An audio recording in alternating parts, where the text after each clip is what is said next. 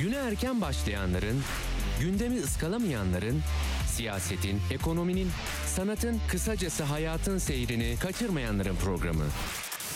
Ali Çağatay'la Seyir Hali hafta içi her sabah 7'den 9'a Radyo Sputnik'te. Ali Çağatay'la Seyir Hali başlıyor. Radyo Sputnik'te seyir halindesiniz. İstanbul 97.8, Ankara 96.2, İzmir 91.0, Bursa 101.4 ve Kocaeli 90.2 frekansından bizi dinleyebilirsiniz. Lasciatemi cantare con la chitarra in mano. Lasciatemi cantare. Sono un italiano. Italia, gli spaghetti al dente. E un partigiano come presidente. Con l'autoradio sempre nella mano destra, un canarino sopra la finestra. Buongiorno Italia con i tuoi artisti, con troppa America sui manifesti, con le canzoni, con amore, con il cuore, con più donne, sempre meno suore. Buongiorno Italia, buongiorno Maria, con gli occhi pieni di malinconia. Buongiorno Dio, lo sai che ci sono anch'io. Lasciatemi cantare con la chitarra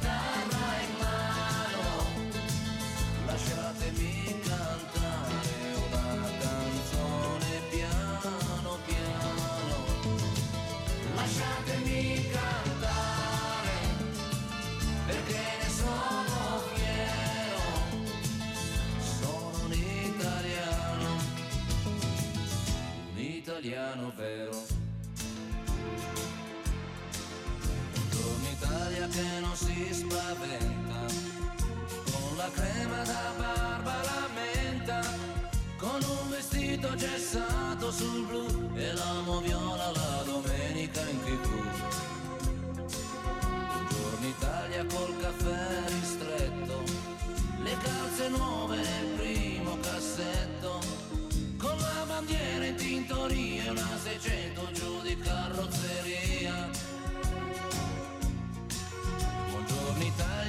Buongiorno Maria, con gli occhi pieni di malinconia. Buongiorno Dio, lo sai che ci sono anch'io. Lasciatemi cantare con la chitarra in mano.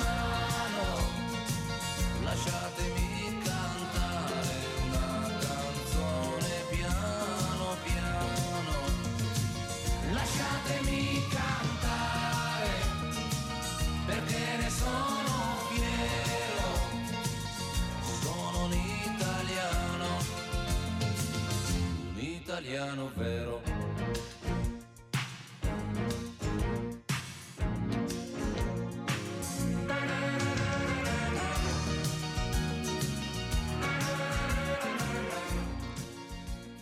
Size Toto Coutinho'dan parçalar seçtik. Salvatore Coutinho tüm Rus yazarların Gogol'un paltosundan çıkması gibi tüm İtalyan müzisyenleri de aslında Sanremo Müzik Festivali'nden çıkıyor. Toto Coutinho da Sanremo'dan çıkan ve halen aramızda olan 79 yaşında kariyerinin ileri iyi basamaklarını yaşayan ve İtalya'da da çok sevilen bir sanatçı. 1990 yılında Insieme adlı parçasıyla Eurovision'da birinci oldu. Kendisi Sicilyalı bir baba ve annenin çok yoksul bir baba ve annenin çocuğu. 1983'te biraz önce şu anda dinlemekte olduğunuz Italiano parçasıyla hatırlanmaya başladı. Orada çıkış yakaladı. Avrupa'nın bütünleşmesini ve Avrupa Birliği'nin kuruluşunu kutlayan bir balat olan Insieme'yi de 1992'de Zagreb'de Eurovision şarkı yarışmasında okudu ve orada da birincilik kazandı. Yine İtalyanlara bir birincilik getirdi. Bir Rus yanlısı ve Ukrayna karşıtı olarak biliniyor. Bu yüzden de 2019'da Ukrayna parlamentosundan bir grup politikacı Toto Coutinho'nun İtalya ülkelerinde Kiev'de konser vermeleriyle ilgili süreci engellemek istediler ve parlamentoya bu konuda yasa e, teklifi ya da öneri sundular ancak kabul edilmedi. Her şeye rağmen gidip konserini verdi çünkü sanat başka, savaş başka dediler. Dolayısıyla böylece bir konser amacına ulaşmış oldu. Batı'nın Rusya'ya uyguladığı ambargoları düşündüğünüzde Tolstoy'u yasaklayan, Çehov'u yasaklayan, Dostoyevski'yi yasaklayan bir batı var. Buna mukabil bu tür durumlara izin veren bir doğu var. Dolayısıyla doğu ile batı arasındaki özgürlük ve anlayış farkının da bir nişanesi olması bakımından bu ayrıntıyı paylaşmış olduk sizinle. Başlıyoruz. Başlarken tabii doğal olarak Dünya Kupası ile başlayacağız. Dünya Kupası'nda artık sona geliyoruz. Yarın yarı final maçlarından Arjantin-Hırvatistan maçı oynanacak saat 22'de. Bir sonraki günde 14 Aralık'ta Fransa-Fas maçı var saat 22'de. Hepsi TRT 1'de. Bu arada Dünya Kupası TRT'de izlenir diye bir slogan var. Sanki başka seçeneğimiz var ve biz başka seçenek olmadığı halde Dünya Kupası'nı TRT'den izlemekten keyif alıyormuşuz gibi bir durum yaratılıyor. Yani abartılı, abartılı ve absürt bir slogan olduğu için yeri gelmişken belirtelim. 17 Aralık'ta da üçüncülük maçı oynanacak. 17 Aralık'ta üçüncülük maçı da saat 18'de ve final 18 Aralık saat 18'de oynanacak. Maç öncesi teknik direktörlerin bazı futbolcuların küçük küçük yorumları var. Onları paylaşalım. Çok uzatmayacağız. Merak etmeyin. Arjantin milli takımının teknik direktörü e, Lionel Scaloni Katar'ın ev sahipliği yaptığı e, FIFA Dünya Kupası'nda bir basın toplantısı düzenledi ve Hırvatistan maçının zor bir maç olacağını tahmin ediyoruz dedi. Rakibimiz takım oyununu çok iyi oynuyor. Belli stilleri var ve bunu değiştireceklerini sanmıyorum. İşleri zorlaştıracaklar. Bir önceki Dünya Kupası'yla kıyaslama yapamayız ama gerçekten iyi bir takım olduklarını düşünüyorum dedi Arjantin teknik direktörü. Hırvatistan teknik direktörü Zlatko Dalic ise bu Hırvatistan için çok önemli bir başarı ama daha fazlasını istiyoruz. Yarın hiçbirimiz mücadeleden kaçmayacağız. Gücümüz ve isteğimiz var. Elimizden gelenin en iyisini yapacağız. İki takımdan da sağlam, dinamik ve centilmence bir oyun bekliyorum. Yarın kazanmak ve Dünya Kupası'nda üst üste finale yükselmek Hırvatistan için tüm zamanların en büyük başarısı olur diyor. Eğer e, oyuncuları günündeyse, örneğin Modric günündeyse Hırvatistan'ın şansı yüksek. Bakalım göreceğiz hep birlikte. Ve kupadan başı eğik, boynu bükük, mahzun bir şekilde ayrılan Ronaldo. Portekiz'in büyük oyuncusu, olağanüstü oyuncu. Teknik direktör Fernando Santos'un maalesef kadrine uğradı ve son maçlarda yedekte çıkarıldı maçlara ve bundan büyük bir üzüntü duyduğunu biliyoruz. Muhtemelen bu üzüntü üzerinden atacaktır. Yeniden güzel futboluna tekrar dönecektir diye düşünüyoruz. Ronaldo değerlendirme yaparken şöyle dedi. Bana göre turnuvanın en iyisi Mbappe olacak dedi. Fransızların ve büyük forvet oyuncusu ondan bahsediyor. Ne kadar hızlı olduğunu görüyoruz. Stili oynadığı dönemdeki benim dönemimi hatırlatıyor. Yani bana çok yakın bir futbolcu demek istiyor. Yeteneklerini nasıl kullanacağını iyi biliyor. Diğer oyunculardan daha hızlı ve bu avantajını gol ve asiste çevirmeyi bildiriyor ve beceriyor dedi. Bir güzellemede bir çiçekte Neymar attı. Brezilyalı Neymar. Neymar bildiğiniz gibi oynadığı zaman süreçlerinde e, Messi, Ronaldo ve Neymar arasında bir karşılaştırma yapılırdı. Birbirine rakip olarak gösterilirdi. Neymar'la ilgili şunu diyor. Bence Neymar maç sonrasında çok büyük bir hayal kırıklığına uğradı. Böyle hissetmesi çok normal ancak bu durumdan güçlenerek çıkacağından ve milli takım formasını giymeye devam edeceğinden eminim. Hala genç, 30 yaşında, sonraki Dünya Kupası'nda rahatlıkla oynayabilir diyor. Ben de aynı kanaatteyim. Şimdi Fas'ın küçük bir e, kronolojisini verelim. Fas buraya nasıl geldi derseniz işte yarı finallere kadar gelmiş bir Afrika takımı ve dünyada ilk kez oluyor bu. Bir Afrika takımı yarı finallere geliyor. Muhtemelen finalde de olabilir. Çünkü çok bilendiler ve çok iyi bir takım haline dönüştüler. Arkalarında büyük bir güç var. Endorfin yüklendiler, adrenalin yüklendiler ve çok iyi oynayacaklarına eminim. Bakalım göreceğiz hep birlikte. Tabii futbolda tahmin yapmak çok zor.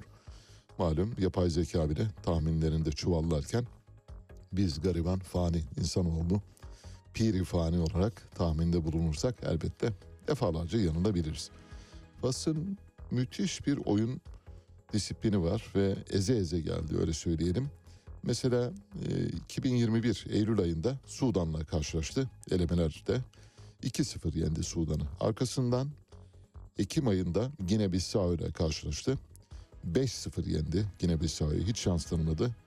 Arkasından yine Gine Bissau ile bir maç oynadı. Onu da 3-0 kazandı. Sonra Gine ile bir maç oynadı. 4-1 kazandı. Arkasından Sudan'la bir maçı daha vardı. Onu da 3-0 kazandı. Tekrar Gine'ye 3 tane attı. Arkasından Kongo'yla 1-1 berabere kaldı. Tek beraberliği bu. Ve en son Kongo'ya da 4 tane atarak 4-1 yenerek Kongo'yu da saf dışı etmiş oldu. Dolayısıyla çok güçlü bir takım ve bu güçlü takımın önünde kimsenin durmasına imkan yok. Bir hatırlatma haberi verelim. Bugün bir deprem oldu. Çanakkale Biga odaklı bir deprem 4.3 büyüklüğünde saat 6.20 geçe 22 geçe meydana geldi. İstanbul'da da hissedildi. Eğer depremi hissettiyseniz bunun bir e, sadece uzakta çok çok uzakta bir deprem olduğunu bilmenizi söyleriz.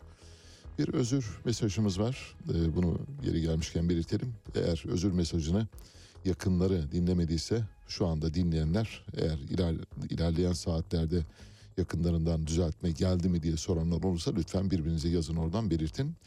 Erdal Uğurlu önceki gün kaybettiğimiz ve dün toprağa verdiğimiz e, Türk opera ve balesinin büyük e, isimlerinden Erdal Uğurlu ile ilgili hayat hikayesini anlatırken bazı yanlışlara düştük maalesef ve isim benzerliğinden kaynaklanan yanlışlar dolayısıyla bu yanlışlardan dolayı hem ailesinden hem yakınlarından, dostlarından hem de siz izleyicilerden özür diliyoruz. Başladık.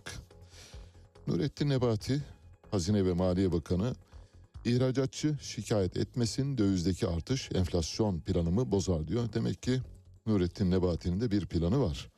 Enflasyonla ilgili enflasyon yüzde 85. Yüzde 85'lik enflasyonun bir plan dahilinde artmadığını söyleyebiliriz. Enflasyonla ilgili bir aşağı yönlü bir planı olmadığı da zaten ortada öyle bir şey olmuş olsaydı şu anda muhtemelen faizdeki bu ısrarcı tutumu sürdürmeyeceklerdi diye düşünüyoruz. Ancak şöyle diyor e, bir ekonomi gazetesine konuştu bu arada. Vatandaş enflasyonda baz etkisine değil cebine bakar doğru. Matematiksel düşüş göreceğiz ama hissedilecek gerileme de olacak diyor. Cumhurbaşkanı bu arada gelecek yıl %20 civarında bir enflasyon olabileceğini söylüyor. Bakalım göreceğiz hep birlikte. Nurettin Nebati, ihracatçılar döviz kurundan boşuna şikayet etmesinler. Optimal noktanın çok uzağında değil dövizdeki artış benim planımı bozar diyor. Döviz e, ufak ufak adımlarla gidiyor. Dikkat ederseniz son 15 günde 18.59'dan 60'a, 61'e, 62'ye, 63'e dün 18.64 idi. 18.64, 37. Dolayısıyla 18.65'i görmesi an meselesi. Elbette bu çok küçük adımlarla gidiyor olması endişe verici değil ancak hep yukarıya doğru gittiğini görüyoruz. Hiç aşağı doğru geldiğini görmüyoruz.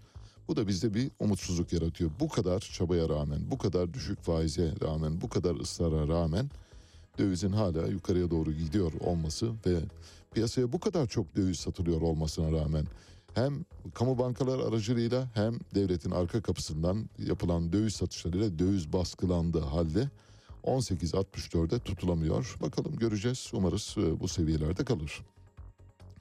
Konut sektörünü canlandırmaya devam edeceğiz diyor Nurettin Nebati. Gerçek bir mortgage hazırlığımız var. Kredi vadesi 15 yıl olabilir diyor. Demek ki akılsız başın cezasını ayaklar çeker. Göreceğiz. Eğer e, bu yeni morguçla devam ederseniz yine betona parayı gömerseniz bundan sonra harcayacak paranız olamaz. Başka bir yere bakması lazım ama maalesef bakmıyorlar. Asgari ücretliye, memura, emekliye ne verirse haklarıdır diyor. Burada da hak dağıtıcı. Hakkın teslimini, bir hakkın teslimini işaret eden bakan kimliğinde.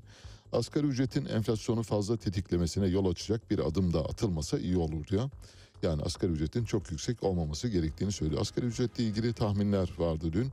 Pek çok kesimden gelen tahminler. İşte hükümet çevreleri 7800 lira civarında, 7200 lira civarında Türk İş bildiğiniz gibi açlık sınırı olarak ilan ettiği 7785 liranın biraz üzerinde bir açlık e, sınırının üzerinde bir asgari ücret istiyor. E, işçi sendikaları, diğer işçi sendikaları disk 13.200 lira istiyor. İyi Parti keza 13 bin liranın üzerinde bir e, asgari ücret, 10 bin liranın üzerinde bir asgari ücret olması gerektiğini söylüyor. Biz de e, naçizane Radyo Sputnik e, olarak kadromuz, bu dev kadro 10 bin liranın altında bir asgari ücrete razı olunmayabileceğini ifade ediyoruz. Bakalım göreceğiz. Bizim tahminim yani bizim talebimiz 10 bin lira civarında olması yönünde. Ümit Özdağ, Zafer Partisi Genel Başkanı. Vallahi bu kadar çok kargaşa arasında bu konuya parmak basan yegane kişi olduğu için kendisini kutluyoruz ve o yüzden öncelikli haberler arasına aldık. Ancak öncelikli haberler arasına alırken elbette kendisiyle ilgili eleştiri hakkımızı kullanacağız. O ayrı, bu ayrı. İkisini ayrı ayrı mütalaa ediyoruz. Şöyle dedi Ümit Özdağ. Çocuklarımız yine güneş doğmadan okula yola çıkıyor. Zafer Partisi yaz saati, kış saati uygulamasıyla güneş doğmadan çocuklarımızın okula gitmesini engelleyecek. Çocuklarımızın güvenliği, eğitimi ve uykusu AK Parti'nin ideolojik eğitiminden daha önemli diyor. Yerden göğe kadar haklı. Bu 2017'den beri sürdürdüğümüz işkence, azap ve ıstıraptan artık kurtulmak istiyoruz. Bu erken saatlerde gün doğmadan çocukların okula gitmesi, genç kızların, kadınların işlerine gitmesi, yalnız başına ürkek güvercinler gibi işlerine gitmesine son verilmesi gerekiyor. Ama bunun neden kaynaklandığını daha önce de paylaşmıştık. Bu bir büyüme fetişizminin sonucu. Çünkü elektrik tüketimi büyümenin bileşenlerinden bir tanesi. Eğer siz Türkiye nüfusunun yüzde sekseninden fazlasının yaşadığı ve Türkiye coğrafyasının ve sanayisinin yine yüzde sekseninden fazlasının toplandığı, temerküz ettiği bir bölgeyi sabahın karanlığında işe koyarsanız dolayısıyla ofislerde, iş yerlerinde, evlerde, araçlarda, yollarda, aydınlatmalarda her yerde elektrik kullanılacak. Bu elektrik tüketimi de doğal olarak büyümeye yansıyacaktır. Büyümenin hormonlu faktörlerinden bir tanesi. Yapay olarak elektrik tüketimi büyümeye yüzde bir civarında katkı veriyor. Yani şöyle düşünün yüzde beşlik bir büyüme gerçekleşirse bu yıl öyle olacak tahmin ediyoruz yüzde beş civarında. Bunun yüzde birini ayırın bir defa. Gerçek anlamda Türkiye yüzde dört. Biz uykularımızdan feragat ettiğimiz için, biz mahmur hallerimizle yollara düştüğümüz için büyüme bir puan fazla olacaktır. İşte bu uğurda sürdürülen bir yapay anlayışın, ısrarın sonucudur. Başka hiçbir sebebi yok. Ümit Özdağ tabii bu açıklamasıyla kalbimizi kazandı ancak Nihal Atsız'ın ölüm yıl döneminde bir anma mesajı yayınladı. Şöyle dedi. Atatürk e, devrimlerinden biliyorsunuz e, Nihal Atsız bir haydut çetesi diye bahsetmişti. Nihal Atsız'ın ölüm yıl dönümü dolayısıyla mesaj yayınladı. Şimdi Nihal Atsız'la ilgili dün bazı bilgi notları paylaşmıştık. Nihal Atsız'ın yayımladığı Orkun diye bir dergi vardı. Orkun adlı dergiden size küçük bazı pasajlar paylaşacağım. Bu pasajları dinlediğiniz zaman Nihal Atsız'ın aslında bir, Türk milliyetçisi olup olmadığı konusundaki kanaatlerinizi yeniden sorgulama imkanına kavuşmuş olacaksınız. Nihal Atsız bildiğiniz gibi bizim e, geçtiğimiz günlerde Milliyetçi Hareket Partisi ve ülkücü kuruluşlar iddianamesini paylaştığımız zaman ortaya attığımız tez. Bizim tezimiz değil iddianame zaten bize bunu açıkça söylüyor. Hikaye şu Alparslan Türkeş ve arkadaşları Milliyetçi Hareket Partisi 1990'lı yılların sonuna kadar Devlet Bahçeli'nin yönetimine girinceye kadar Milliyetçi Hareket Partisi ve ülkücü kuruluşlar Türk milliyetçiliği kisvesi altında Rusya'daki Türklerin ayaklandırılması ve Sovyet sosyalizmine karşı bir aparat olarak kurulmuştur. Siyasi olarak işlevi budur demiştik.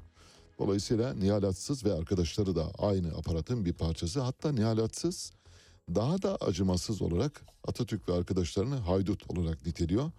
Milliyetçi Hareket Partisi'nin ders notlarında ve parti kamplarındaki okutulan derslerdeki notları da paylaşmıştık. Orada Atatürk milliyetçiliği ve Atatürkçülük için sapkın bir anlayış diyor.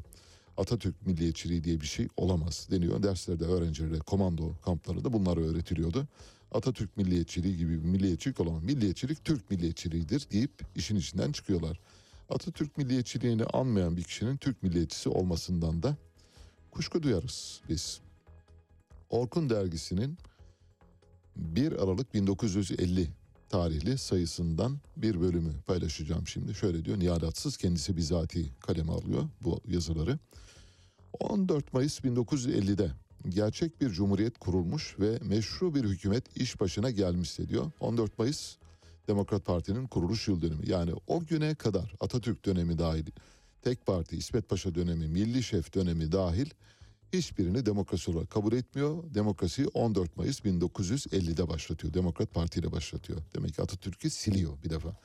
İsmet Paşa'yı silebilir. İsmet Paşa elbette Atatürk değil. Dolayısıyla İsmet Paşa ile ilgili yaklaşımınız farklı olabilir ama bizim kurucu liderimiz, kurucu babamıza karşı en ufak bir hakareti kabul etmemiz, sindirmemiz, bunu kabullenmemiz söz konusu olamaz.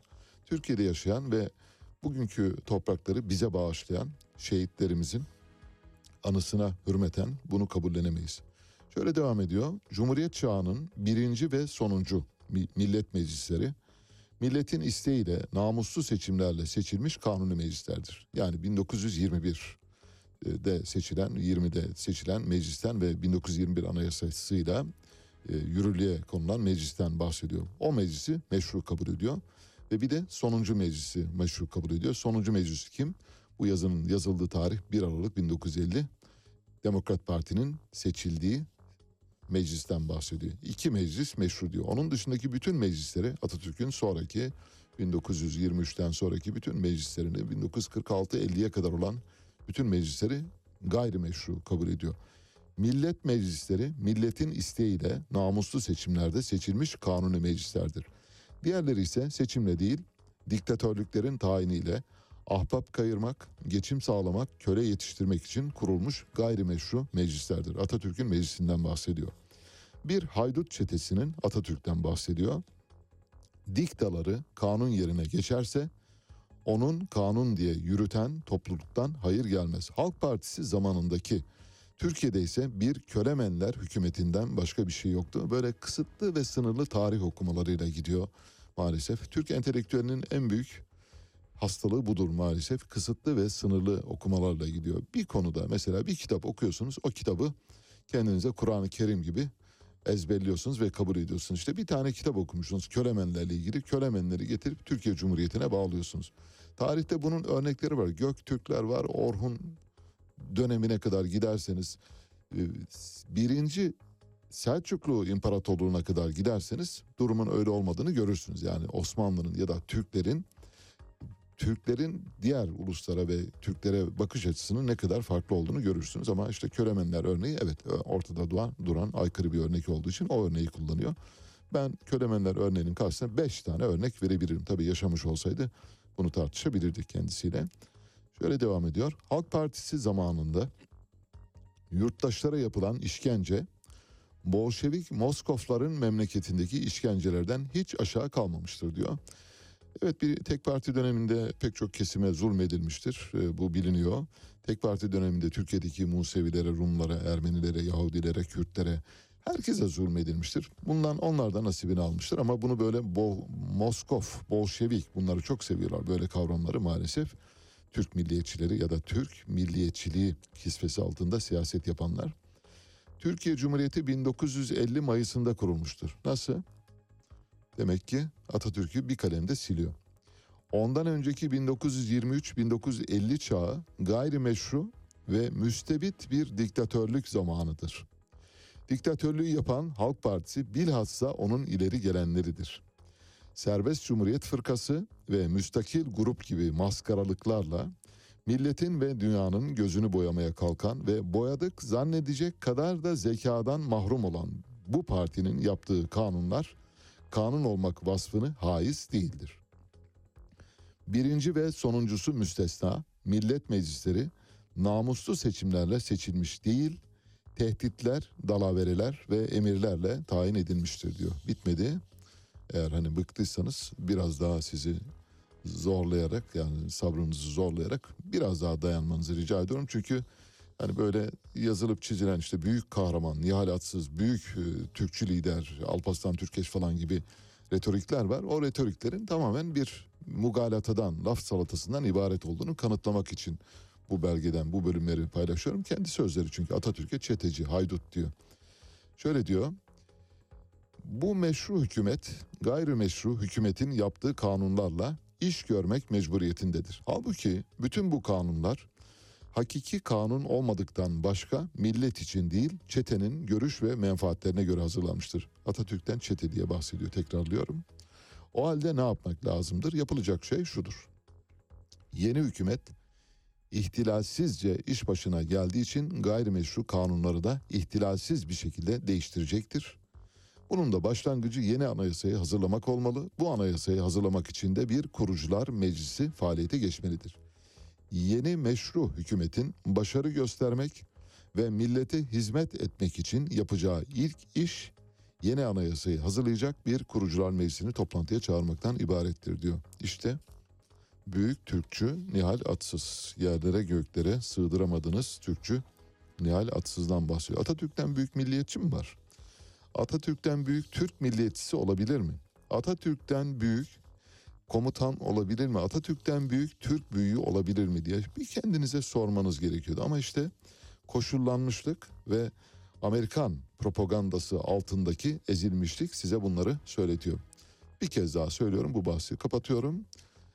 Devlet Bahçeli'nin genel başkanlığıyla başlayan dönemi dışarıda tutarak ondan önceki döneme ilişkin Milliyetçi Hareket Partisi, ülkücü kuruluşlar ve Alparslan Türkeş ve dahi Nihal Atsız ve dahi Zeki Velidi Togan aklınıza gelebilecek ve dahi Ziya Gökalp olmak üzere hepsinin bir saplantı içinde olduğunu iddia ediyorum. Bir Türk milliyetçiliği saplantısı içindedirler ve bu Türk milliyetçiliği saplantısına düçar olmalarına sebep olan da Amerika Birleşik Devletleri'nin bir örtülü propagandasıdır.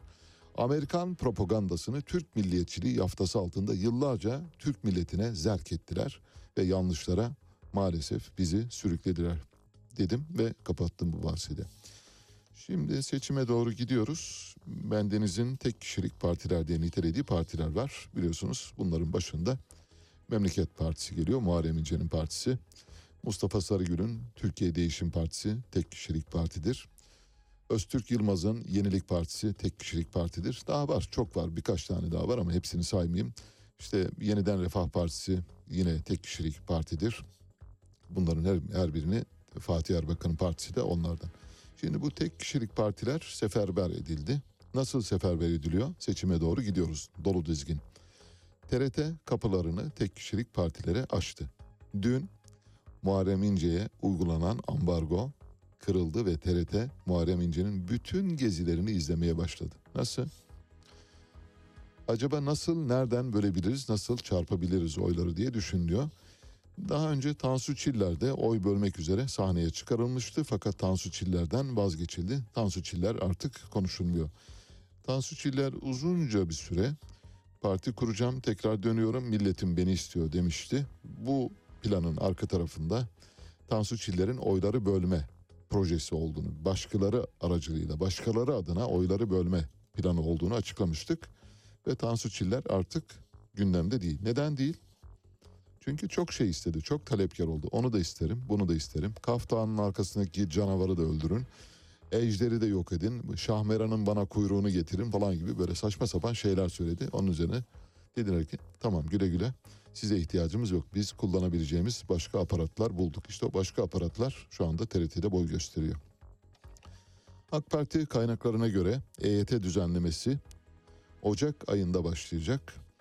EYT emeklilikte yaşa takılanlarla ilgili düzenleme daha çok su kaldıracak göreceksiniz. EYT'nin getirilmesi büyük sorunlara yol açar. EYT mesela bir asgari ücret gibi değil. Asgari ücret karar verirsiniz, kaynaklarını bulursunuz ve belli bir rakamı ilan edersiniz, yaparsınız. Ama EYT öyle değil. EYT kapsamında 6 milyon kişi var. 6 milyon kişinin tamamını emekli ederseniz iş gücü kaybına uğrarsınız. Bu bir. iki 6 milyon kişinin tazminatlarını ödeyemezsiniz. Ve 6 milyon kişinin yükünü kaldıramazsınız. 6 milyon kişinin tamamının size oy vermesini de zaten bekleyemezsiniz. Bu yüzden böyle hafif hafif böyle ipe un seriliyor şu anda. Onu görüyoruz. Acaba Ocak'ta olacak mı? Olacak muhtemelen ama şöyle olacak söylüyorum size. Hani eğer EYT dolayısıyla bir siyasi yönelime doğru kendinizi konumlandırmak istiyorsanız lütfen bu sözümü dikkatle dinleyiniz ve Ocak ayında hep birlikte tekrar konuşuruz. Şöyle bir şey yapılacak 6 milyon. Bu 6 milyonun muhtemelen 1-1,5 milyonunu kapsayacak bir EYT düzenlemesi gelecek. Bu 1,5 milyon içinde denilecek ki Haziran ayından sonra seçimlerden sonraki bir tarih verilecek. Seçimlerden sonraki tarihten geçerli olmak üzere diye bir düzenleme getirilecek. Çünkü o bir parmak bal. Sonra da altına şöyle geçici hükümler konulacak. Diğer kesimlerin de EYT kapsamından yararlandırılması için kamu organı düzenleme yapabilir diye de bir ifade konulacak. Onlara da işte size de geliyor denilecek. Böylece 6 milyonluk kitleyi kafeslemeye çalışıyorlar. Sizden şimdiden uyarmış olalım. Bu bir bir parmak bal çalma hikayesidir ve bir e, ne derler un kapanı pazarlamacısı, vapur pazarlamacısı dolandırıcılığıdır söylüyorum. Kemal Kılıçdaroğlu Adalet Bakanlığı'na yürüdü dün bildiğiniz gibi. Adalet Bakanı Bekir Bozdağ şöyle bir paylaşımda bulundu. Kemal Kılıçdaroğlu bu sabah da Adalet Bakanlığı'na yürüdü. Sayın Kılıçdaroğlu Adalet Bakanlığı'ndan randevu istemedi. Eğer randevu istemiş olsaydı kendisine randevu verirdim. Randevusuz geldiği halde görüşmek isteseydi kendisiyle görüşürdüm diyor. Tümüyle yalan. Denemiş olsaydı mesela randevu almış olsaydı asla randevusu cevaplanmayacaktı. Randevusuz gidip bir de görüşme talep etmiş olsaydı yine görüşürdüm diyor. Bu da doğru değil. Geçmişte bunun örneklerini gördük. Kemal Kılıçdaroğlu TÜİK'in kapısına kadar gitti. Kapıyı zincirlediler. Yani o zincirli kapıyı kırıp geçebileceğini düşündüler. Kapıyı zincirlediler. Böylesi şeyler oldu. Bu yüzden Kemal Kılıçdaroğlu'nun e, randevu alabileceğini sanmıyoruz. Bir gazete küpürü paylaşacağım tarihten. Çok muhteşem. 8 Haziran 2005. Köprülerin altından çok sular aktı. Eski çamlar bardak oldu. Ve dünkü söylediklerimiz bugün yalan oldu. Haberidir bu. Milliyet gazetesinden, Milliyet'in manşetinden bir küpür bu, gazete küpürü. Cumhurbaşkanı, o, da, o zamanın başbakanı tabii, Başbakan Erdoğan özel uçağında artık TC ana, TC GAP, TC neyse bilmiyoruz o uçaklardan birinde masada oturmuş uçağın kabininde kendisine tahsis edilen ayrılan e, büyük e, ofis haline getirilen bölümde bir önünde böyle muhteşem bir maun masa var ve şahane bir e, deri koltuk var. Arka tarafı da böyle yumuşacık pufuduk yastıklar var arka tarafında. İki elini yana açmış ve konuşuyor. Cumhurbaşkanı Başbakan Tayyip Erdoğan böyle çok afilli bir kravatı var. İyi seçilmiş bir kemeri var. Saçları böyle şey gibi böyle tel tel taranmış muhteşem iyi görünüyor. Arkada da bir manzara var bir tablo var asılmış. Karşısında kim var? Hasan abi. Hasan abi kim? Hasan Cemal. Hasan Cemal'e şöyle bir röportaj vermiş. Şimdi röportajın başlığını söyleyeceğim size. Bugünkü Tayyip Erdoğan'la o günkü Tayyip Erdoğan arasındaki farkı sadece bu röportajdaki fark ortaya koyuyor. Şöyle diyor Cumhurbaşkanı o zamanın başbakanı Hasan Cemal'e, Hasan abiye. Talihsizlik CHP'nin ABD karşıtı olması diyor. O dönemde Cumhurbaşkanı Amerika Birleşik Devletleri ile böyle hafif itişiyor başbakan. Ve Cumhuriyet Halk Partisi tamamen Amerika karşıtı bir tavır sergilediği için Cumhurbaşkanı yani başbakan ağzımız alıştığı için maalesef e, bir türlü başbakana gitmiyor. Kendisi bizi bağışlasın. Kendisi bizim cumhurbaşkanımız o bakımdan ağız alışkanlığımıza o kadar dilimize yerleşti ki başka bir şey çıkmıyor ağzımızdan. Saygıdan mütevellit olsa gerek. Talihsizlik CHP'nin ABD karşıtı olmasında yatıyor diyor. CHP'yi suçluyor ve Amerika'ya jurnalliyor. Röportaj başlığı şöyle. İddia edildiğinin aksine Türk-Amerikan ilişkilerinde bugün herhangi bir sıkıntı yok diyor. Bal gibi sıkıntı var o zamanlar. Hatırlarsanız Amerika böyle tepişiyorduk. İlk konu Kıbrıs. Bugün Bush'la görüşmede gündemin bir numaralı maddesi KKTC'ye olan izolasyon olacak. Sıfır yani hiçbir yol alamadık bu arada KKTC ile ilgili. Aradan 20 yıl geçti. Sayın Başkan'a Kabil'in geçici yeniden imar ekiplerini biz kuralım diyeceğim. Daha Amerika Afganistan'dan çıkmamış. Çıkmak üzere girişimleri var. Çıkması için daha neredeyse 15 yılı var ama o günden imar planları yapıyor. Çünkü bir müteahhit geleneğinden geliyor kendisi.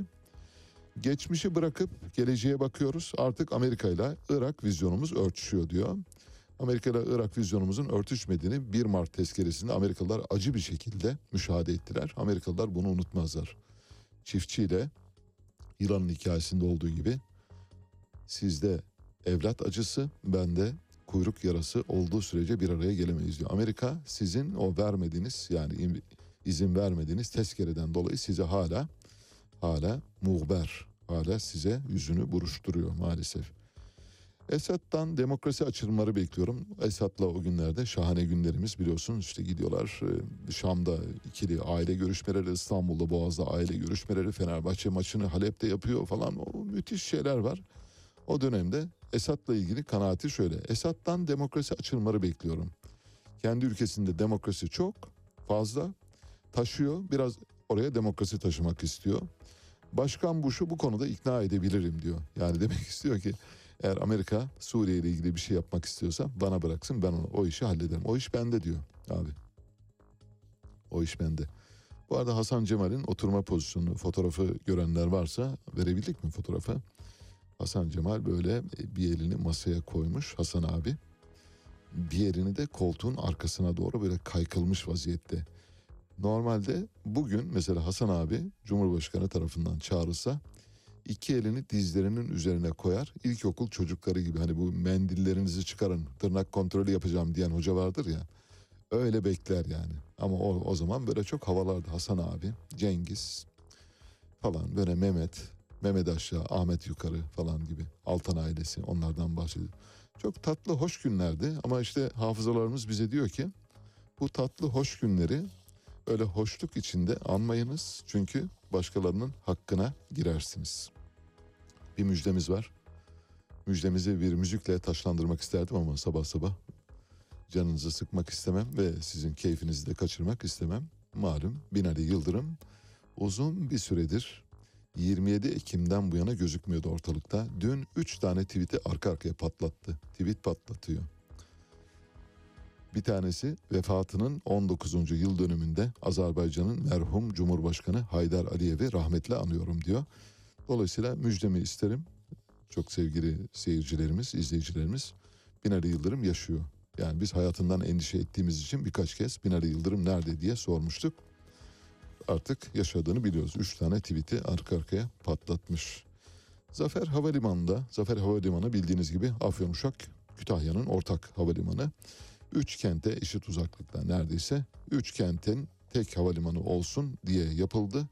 Fizibilite çalışması dünyada yanlışlar silsilesine örnek gösterilen ilk sıradaki proje olabilir. İlk dünyada Galapagos adalarından Patagonya'ya kadar yani nereye giderseniz gidin dünyanın neresine giderseniz gidin Zafer Havalimanı'ndan daha kötü fizibilitesi yapılmış bir yatırım göremezsiniz. Bundan daha kötüsü yapılamadı. Yani yarın literatürde şöyle şeyler olacak. Türkiye'de Zafer Havalimanı diye bir şey var. Ondan daha kötüsü yok. Onu örnek alıp onu ders olarak okullarda okutacaklar. Büyük CEO'lar böyle yatırım toplantılarında bu örneği verecekler önümüzdeki yıllarda literatüre bir armağanımız oldu. Yani hani eğer sevineceksek bu yönüyle sevinebiliriz. Dünyada yapılmaması gereken kötü yatırım dediğimiz zaman Zafer Havalimanı geliyor. Zafer Havalimanı 2022'nin 11 ayında garanti edilen 1 milyon 207 bin yolcunun %97.7'sini yerine getiremedi. 2,5 civarında bir şeyi e, garanti yerine getirdi. Dolayısıyla %2,5'luk tesbih, e, hedefe isabet %97,5'luk bir sapmadan bahsediyoruz. Bu durumda 27 bin e, civarında gerçekleşti yolcu sayısı. 1 milyon 207 bin iken 27 bin olarak gerçekleşti ve cebimizden çıkan para da 6.2 milyon euro. Bizden çıkıyor vergilerimizden. Bir et lokantacısı sahibi var. Adını vermeyeyim. Adını verince böyle hani reklama girer. Kendisi de bu işleri çok sever. Çok bayılır böyle şeylere. Şöyle bir tweet paylaştı. Diyor ki kişinin görgüsü açık büfede belli olur. Kendisi bir lokantacı. Serpme kahvaltı veriyor. Ve yani çok pahalı onu da söyleyeyim bu arada. Gidiyorsunuz böyle hani ya acaba arabanın anahtarını bırakıp çıkabilir miyiz falan demek zorunda kalabiliyorsunuz öyle. Bendeniz bir defa gaflette bulundum ve gittim. Bir daha da gitmem. Kişinin görgüsü açık büfede belli olur diyor. Demek istiyor ki ya bizim büfeye geliyorsunuz. Kahvaltı yapıyorsunuz böyle tabakları boca ediyorsunuz dol- dolduruyorsunuz tepeleme. Sonra da yemiyorsunuz biz onları döküyoruz. Ayıp değil mi kardeşim yani görgüsüzlük bu mudur? Şimdi görgüsüz olan sensin. Söylüyorum. Eğer görgüsüz olan sen olmasan onu mesela bir tarifeye bindirebilirsin. Bir defa serpme kahvaltı ne? Niye serpme kahvaltı veriyorsun? Serpme kahvaltı dediğimiz şey nedir ki? Serpme kahvaltı dediğimiz aynı şeyi mesela 20 tane reçeli 20 tane küçük kabın içinde sunmaktan ibaret bir şey. Bir, bir dalavere yöntemi. Serpme kahvaltıdan Türkiye'nin behemahal uzaklaşması lazım. Ya da önerimiz şu. Bendenizin e, Türk ekonomisine katkısı olması bakımından bir öneri olarak e, gündeme getirdiğim şeyi söyleyeyim. Şu yapılabilir. Serpme kahvaltıda mesela 30 çeşit ürün var değil mi? Geldi. Tepsiyi size gösterdi. Tepsinin fotoğrafı. Efendim bunlar var dedi. Serpme kahvaltımızın fiyatı da 300 lira. Anlaştık mı? Peki. Her tabağı eksilttiğinde 10 lira düşeceğim diyecek garson. Siz de oradan tabağı eksiltin. Bunu istemem, bunu istemem, bunu istemem, bunu istemem. Hop bakıyorsunuz serpme kahvaltı geldi 70 liraya mesela. 70 liraya doyarsınız. 50 liraya da doyarsınız. Hani Allah gözümüzü doyursun derler ya. Olacak? Seçersiniz eksilterek. Eksilterek giderseniz bu olmaz ama onu yapmıyorsunuz. Ondan sonra serpme kahvaltı görgüsü açık büfede belli olur insanın görgüsü. İnsanın görgüsü orada belli olmaz söylüyorum. İnsanın görgüsü otobüs durağında belli olur. Kuyrukta beklerken. Market kuyruğunda belli olur. Uçak sırası beklerken olur. Yaya geçidinden geçerken olur. Asansörden inerken olur, asansöre binerken olur. Buralarda olur. Başka yerde olmaz. Böyle serpme kahvaltıda insanın görgüsü belli olurmuş. Tabii oldu. Çünkü siz zarar ediyorsunuz. İran Mahsa Amini protestolarına katılan bir kişiyi daha dün idam etti maalesef. Bu haberi de vermiş olalım. Peru şu anda çalkalanıyor. Peru'da devrik devlet başkanı şu anda cezaevinde. Pedro Castillo, Pedro Castillo'yu görevden Amerika bir Amerikan operasyonuyla bir parlamento darbesi yapıldı ve devlet başkanı seçilmiş devlet başkanı şu anda cezaevinde yerine de devlet başkanının yardımcısı getirildi. Protestolar sürüyor Peru'nun başkenti Lima'da. Ee, çatışmalarda dün de iki kişi öldü. Ülkenin güneyindeki havalimanı uçuşlara kapatılmış durumda. Protesto edenler e, Castillo'nun serbest bırakılmasını ve kongrenin feshedilmesini talep ediyorlar. Bir mektup kalemi aldı Pedro Castillo cezaevinden. Zorla alıkonulduğunu belirtti ve Cumhurbaşkanı seçilen ya da Cumhurbaşkanlığı koltuğuna oturtulan yardımcısı Dina Boluarte'yi gaspçı olarak suçladı. Şöyle dedi Castillo mektubunda halka açık. Hükümetimin en zor durumunda sizinle konuşuyorum. Aşağılanmış, iletişimsiz, kötü muamele görmüş ve kaçırılmış ancak sizin güveniniz ve mücadelenizle egemen halkın görkemiyle giyinmiş ve ama aynı zamanda atalarımızın şanlı ruhundan ilham almış durumdayım diyor. Böyle bir bir İnka bilgesi gibi yazmış kendisi. Bakalım Amerika Birleşik Devletleri kelepçeyi gevşetecek mi hiç sanmıyorum. Amerika Birleşik Devletleri orada duruma hakim olduğunu görüyor. Hazır mısınız? Size bir böyle sevimli haber vereceğim. CZN Burak.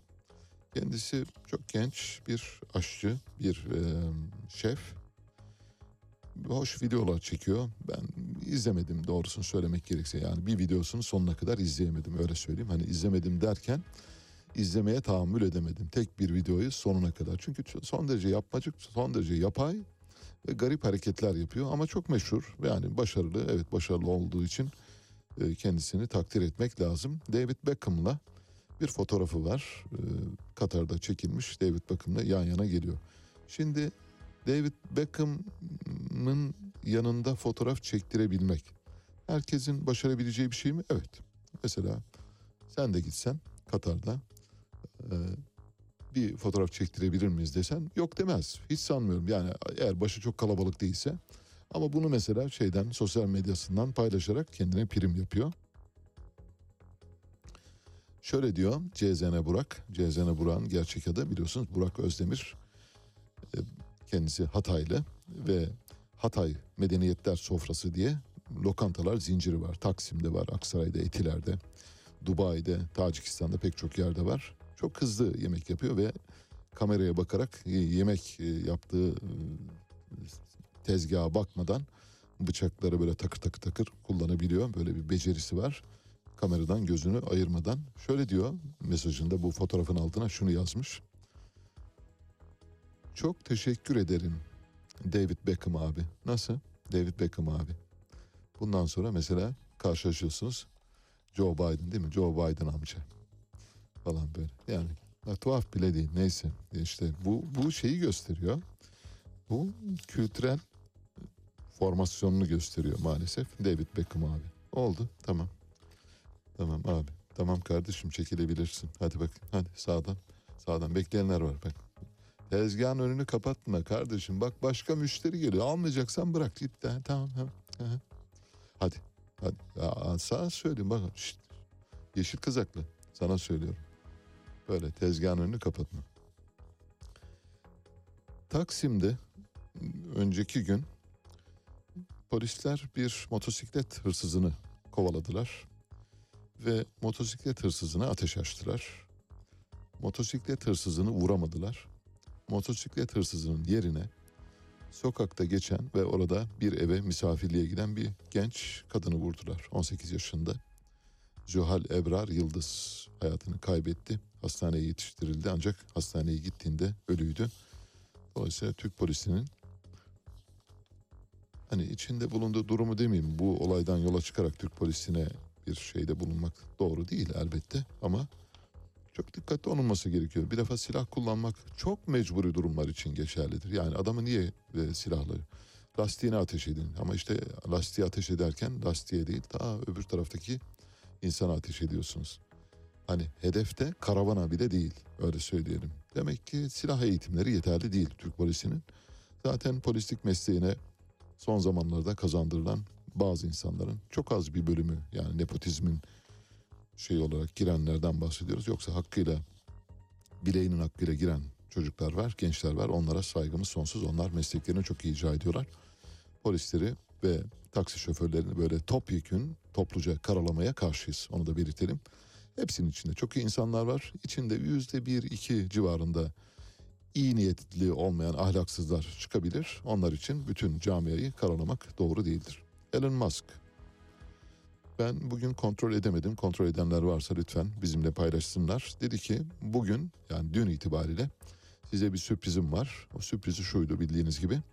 Bütün bot hesapları temizleyecek. Ne kadar robot hesap ne, ne kadar fake hesap varsa temizliyor. Bu fake hesapları temizlediği için bir futbol takımımızın Twitter takipçisi 97 bin adet azalmış. 97 bin bir futbol takımı. Futbol takımının adını vermiyorum. Çünkü futbol takımının adını verdiğim zaman vay abi ama ama olmaz abi ya ya lütfen abi rica ediyorum ya ya tamam anladık işte Beşiktaşlısın falan. Böyle bir şey yok. Bir takım falan tutmuyoruz. Siyasi parti tutmuyoruz. Kimseyi tutmuyoruz. İyi et lokantasını iyi, iyi et yaptığı için en fazla övebiliriz. Onun dışındaki hataları varsa tutmuyoruz. Öyle bir şey yapmıyoruz. Kimseye bir keyif bağışlamıyoruz. Öyle bir mevkide değiliz zaten. Adıyaman'da temizlik işçileri ihalesi açıldı. Adıyaman bildiğiniz gibi AK Parti'de ve AK Parti'nin en yüksek oy aldığı yerlerden bir tanesi. Temizlik işçisi 41 tane temizlik işçisi alınacak ve 4000 4000 üniversite mezunu olmak üzere 18 bin kişi başvurdu. Şimdi bu başvuru sayısının çok olması eleştiriliyor. Ben eleştirmiyorum. İnsanlar sağlam bir işe girmek istiyor. Bütün hikaye bunun üzerinde. O 18 bin kişinin muhtemelen yarıdan fazlasının hatta dörtte üçünün işi var. Ama işte devlet memuru olmak istiyor. Devlet kapısına kapılanmak istiyor. Biz devlet kapısını seviyoruz. Evet. Böylece birinci saat diliminin sonuna geldik. Size Toto Cutugno'dan parçalar seçtik. Caspita şu anda dinlediğiniz parça. Birazdan Mehtap Yeni saat 5 haberlerle karşınızda olacak. Ma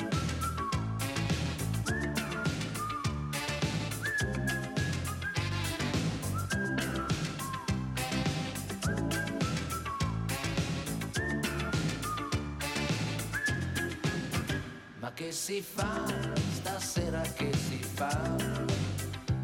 Che monotona serata che si fa? Vorrei poterti offrire un'avventura strana, magari sotto un cielo di Copacabana. Dai che si va, fai presto che si va. C'è nell'aria un'atmosfera che con te mi va. C'è una notte c'è una luna tropicana e un'altra settimana è andata già. Oh, eh,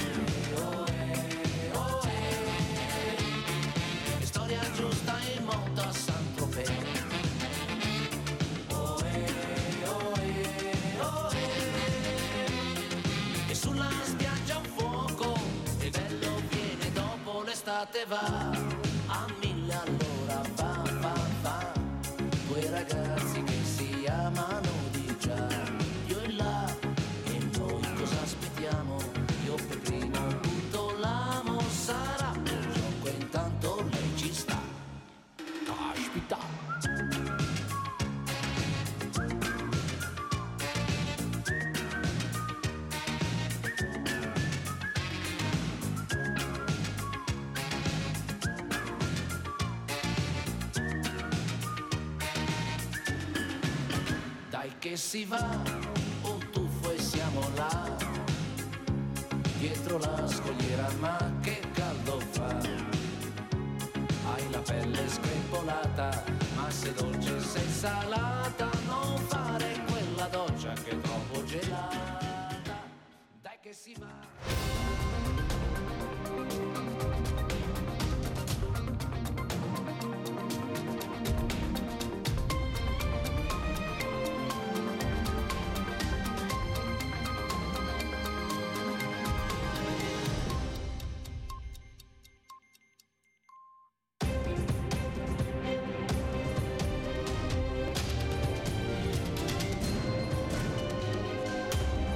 Radyo Sputnik.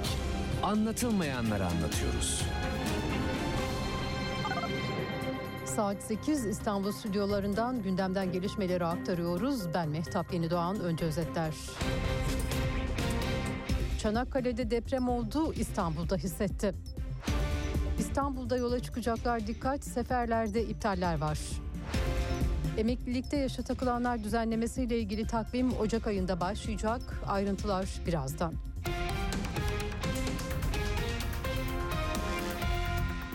Çanakkale'de deprem oldu. Biga ilçesinde saat 6.21'de 4.3 büyüklüğünde deprem kaydedildi. Sarsıntı İstanbul, Balıkesir ve Bursa'dan da hissedildi.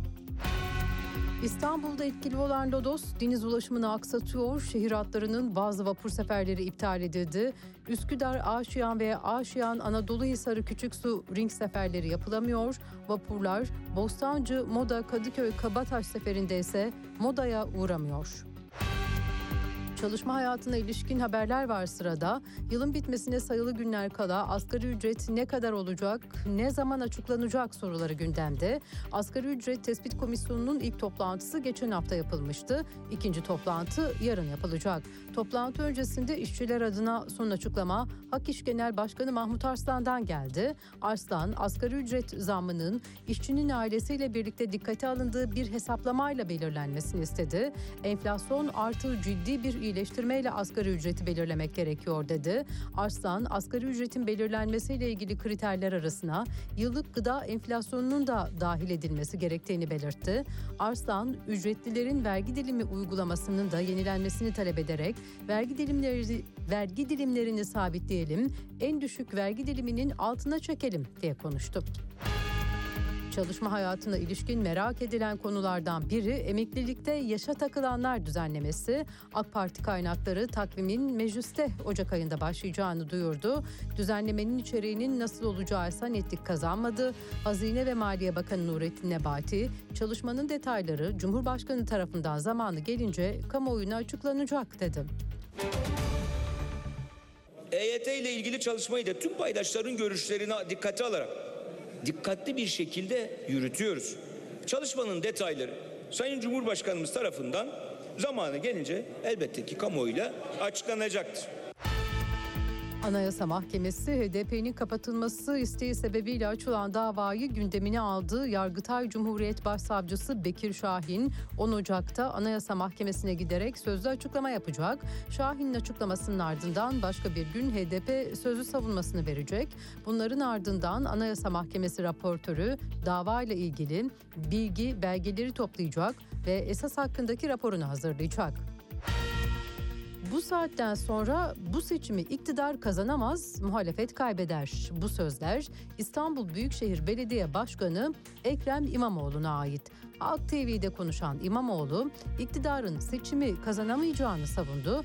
Muhalefet olarak seçimi kaybetmeye hiç niyetleri olmadığını sözlerine ekledi. Gidecekler zaten. İşte ilk seçimde yollayacağız. Emin misiniz? Tabii hiç tereddütsüz. Bakın bir şey söyleyeyim. Bu saatten sonra bu seçimi iktidar kazanamaz. Muhalefet kaybeder. Yani biz kaybederiz. Bizim de asla kaybetmeye niyetimiz yok. Bu saatten sonra bu seçimi iktidar kazanamaz. İmamoğlu her CHP'linin adayının Genel Başkan Kemal Kılıçdaroğlu olduğunu da söyledi. Bütün Gördüm. Cumhuriyet Halk Partililerin adayı Kemal Kılıçdaroğlu. Sizin? E tabii ki. Sizin de. Yani ya bu doğal bir süreçtir ama günün sonunda karar verecek olan altılı masadır. Genel başkan bütün Cumhuriyet Halk Partililerin adayıdır. Yani bunun altını çizmek lazım ama karar tabii ki altılı masanındır ve elbette kazanacak kişi aday olmalıdır. Adayın özelliklerini sıralıyor. Yani adaylık meselesini de bugünden açıklayın. Bugün de ya tamam iktidar bunu isteyebilir yani. İktidar ne istiyorsa çok fazla siz ondan biraz uzak durun. Turistik Doğu Ekspresi sezon seferlerine başladı. Yemekli ve yataklı vagonlardan oluşan Turistik Doğu Ekspresi Ankara Kars hattında önemli tarihi ve kültürel şehirlerin görünmesine olanak sağlıyor. Bu yıl Turistik Doğu Ekspresi Ankara'dan 20 Mart, Kars'tansa 22 Mart 2023'e kadar işleyecek.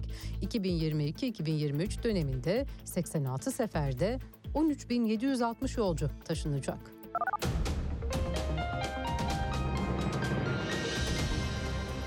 Haberleri sunduk. Gelişmelerde tekrar birlikte olacağız. Hoşçakalın. Radyo Sputnik 5 merkezden karasal yayında. İstanbul 97.8, Ankara 96.2, İzmir 91, Bursa 101.4, Kocaeli 90.2. Karasal yayınlarımızın olmadığı yerlerde tr.sputniknews.com adresinden iOS ya da Android mobil cihazınızdan Sputnik News uygulamasını indirerek dinleyebilirsiniz. Radyo Sputnik. Anlatılmayanları anlatıyoruz. Son dakika haberleri, canlı yayınlar, multimedya ve daha fazlası Sputnik Haber Ajansı'nın web sitesinde. Dünyanın küçük bir parçasını değil, tamamını anlamak istiyorsanız sputniknews.com.tr'yi tıklayın, habersiz kalmayın. Havadan, sudan, karbon ayak izinden, yeşil mutabakattan, dünyanın yeni mottosuna uzanan, bugünden geleceğe bakan, soran, soruşturan, sorgulayan program. Olana bitene farklı bir gözle bakmak isteyenler için Meliha Okur'la Anlat Bana her pazartesi ve çarşamba saat 15'te Radyo Sputnik'te. Radyo Sputnik artık dünyanın en çok kullanılan sosyal ağlarından biri olan Telegram'da. Hala kullanmıyorsanız önce Telegram uygulamasını mobil cihazınıza yükleyin. Ardından Radyo Sputnik'in Telegram kanalına katılın. Canlı yayınlarımızı ve programlarımızı kaçırmayın. Anlatılmayanları anlatıyoruz. Güne erken başlayanların, gündemi ıskalamayanların, siyasetin, ekonominin, sanatın, kısacası hayatın seyrini kaçırmayanların programı. Ali Çağatay'la Seyir Hali hafta içi her sabah 7'den 9'a Radyo Sputnik'te. Evet, e, yeniden birlikteyiz. Şimdi bazı küçük dosyalarımız var. O dosyalardan sizi haberdar etmek istiyorum. Bir tane dosyamız Ethem Sancak, Aydınlık Vatan Partisi'nin genel başkan yardımcısı olduğu Doğu Perinçek'in yakın çalışma arkadaşlarından bildiğiniz gibi. Cumhurbaşkanı Erdoğan'a da çok yakın bir iş insanıydı. Bir Ethem Sancak, içinde Ethem Sancak, Fuat Tosyalı, BMC geçen bir dosyamız var. Birazdan onunla sizi buluşturacağız. Bir başka dosyamız dün Avrupa Birliği'ne Türkiye'nin tam üyelik başvurusunun yapılmasının 23. yıl dönümüydü. Türkiye'nin Avrupa Birliği süreciyle ilgili bir dosyamız var. Onu da birazdan paylaşacağız. Bir de Fi Yapı Fikret İnan. Fikret İnan şu anda FETÖ suçlamasıyla aynı zamanda yargılanıyor. Bütün mal varlığına el konulmuş durumda. Vaat ettiği hemen hemen inşaatların çok önemli bölümünü yapamadı, teslim edemedi ve Cumhuriyet Halk Partisi milletvekili, Cumhuriyet Halk Partisi Grup Başkan Vekili Akif Hamza Çebi'yi tehdit etmiş. Bir de öyle bir dosyamız var onu paylaşacağız. Telefon bağlantımız Gazi Osman Şakar'la olacak. Salda Gölü Koruma Derneği Başkanı. Bildiğiniz gibi Salda Gölü civarında mera alanlarını korumak isteyen kadınlar birkaç gündür jandarmayla çatışıyorlar. Köylü kadınlar. Onların mücadelesine bugün bir e, mikrofon tutacağız ve onların seslerini duyuracağız. Bu tür telefon bağlantılarını yaptıktan sonra neler ortaya çıkıyor diye düşünüyorsanız sonuç alıcı şeyler bunu belirtelim. Pek çok şeyde sonuç aldık. Mesela geçtiğimiz günlerde Eczacıbaşı Holding'in maden şirketi Esan Madencilikle ilgili bir telefon bağlantısı yapmıştık hatırlarsanız. Mesela su üzerine yazıp bırakmadık. Sonradan şöyle bir şey olmuş. O haberi de aldım. Bu arada müsbet. Kendilerini de kutluyorum bu arada. Esan Madencilik söz konusu şikayete konu olan madende bir taşeron şirket kullanıyormuş. Bu şirketin adı Sargın. Nitekim işçilerin yeleklerinde de Sargın yazıyor. Hatta Sargın şirketi işçilerden yelekleri istemişti. Biz de dedik ki işçilere yağmurlu günde su bile vermez bu şirket. Nitekim Eczacıbaşı bu duruma müdahale etmiş ve madeni bundan sonra kendileri doğrudan işletecekler, e, işletmeye karar vermişler. Bu bizim haberimizden sonra oldu mesela. Bizim katkımız olduysa ne mutlu ve eğer yerine geldiyse de Eczacıbaşı grubunu kutluyoruz. Eczacıbaşı grubu, Eczacıbaşı Türkiye'nin nadir aristokrat ailelerinden bir tanesidir. Aristokrasi ile burjuvaziyi ayırmak lazım. Aristokratlarla burjuvalar arasında çok derin farklar vardır. Mesela Koç grubu aristokrat değildir. Burjuva olabilir. Sabancı aristokrat değildir, burjuvadır. Tekfen aristokrat değildir, burjuvadır ama Eczacıbaşı gerçek bir aristokrat, aristokrasiden geliyor. Aristokta, aristokratla burjuva arasında şöyle bir temel fark var. Mesela diyelim ki babanızın bir fotoğrafını buldunuz. İşte çok eski tarihli bir siyah beyaz fotoğraf ve bunun bir e, resmini çizdireceksiniz. Bir ressama gidiyorsunuz. Ressama veriyorsunuz. Resmi diyorsunuz bu benim rahmetli babamın işte siyah beyaz. Şunu güzel bir portreye dönüştürür müsünüz? Ressam gidiyor. Geliyor, fotoğrafı yapıyor. Size sunuyor. Siz diyorsunuz ki Aa, yok babam çok yaşlı çıkmış olmaz. Ee, sen bunu bir daha yap. Gidiyor ressam bir daha yapıyor. Geliyor. Aa, yok. Babam ya bu kadar kısa değil ki babam çok kısa çizmişsin ya. Babam, babam ya lütfen rica ediyorum ya. Ee, siz bir daha yapın. Ressam gider gelir. Aa yok vallahi olmadı bak yani hakikaten kızıyorum ya. Ya para vereceğiz bu iş için. Bak babam böyle şişman kilolu falan çıkmış diyor. Ressam bir daha geliyor geliyor. İşte bu gidiş gelişler var ya bu gidiş gelişler yani bir resim örneğinden yola çıkarak bunu hayatın bütün alanına uyarlayabilirsiniz. Bütün bu gidiş gelişlerde ben parayı verdim kardeşim istediğimi yaptırırım diyenlere burjuva denir.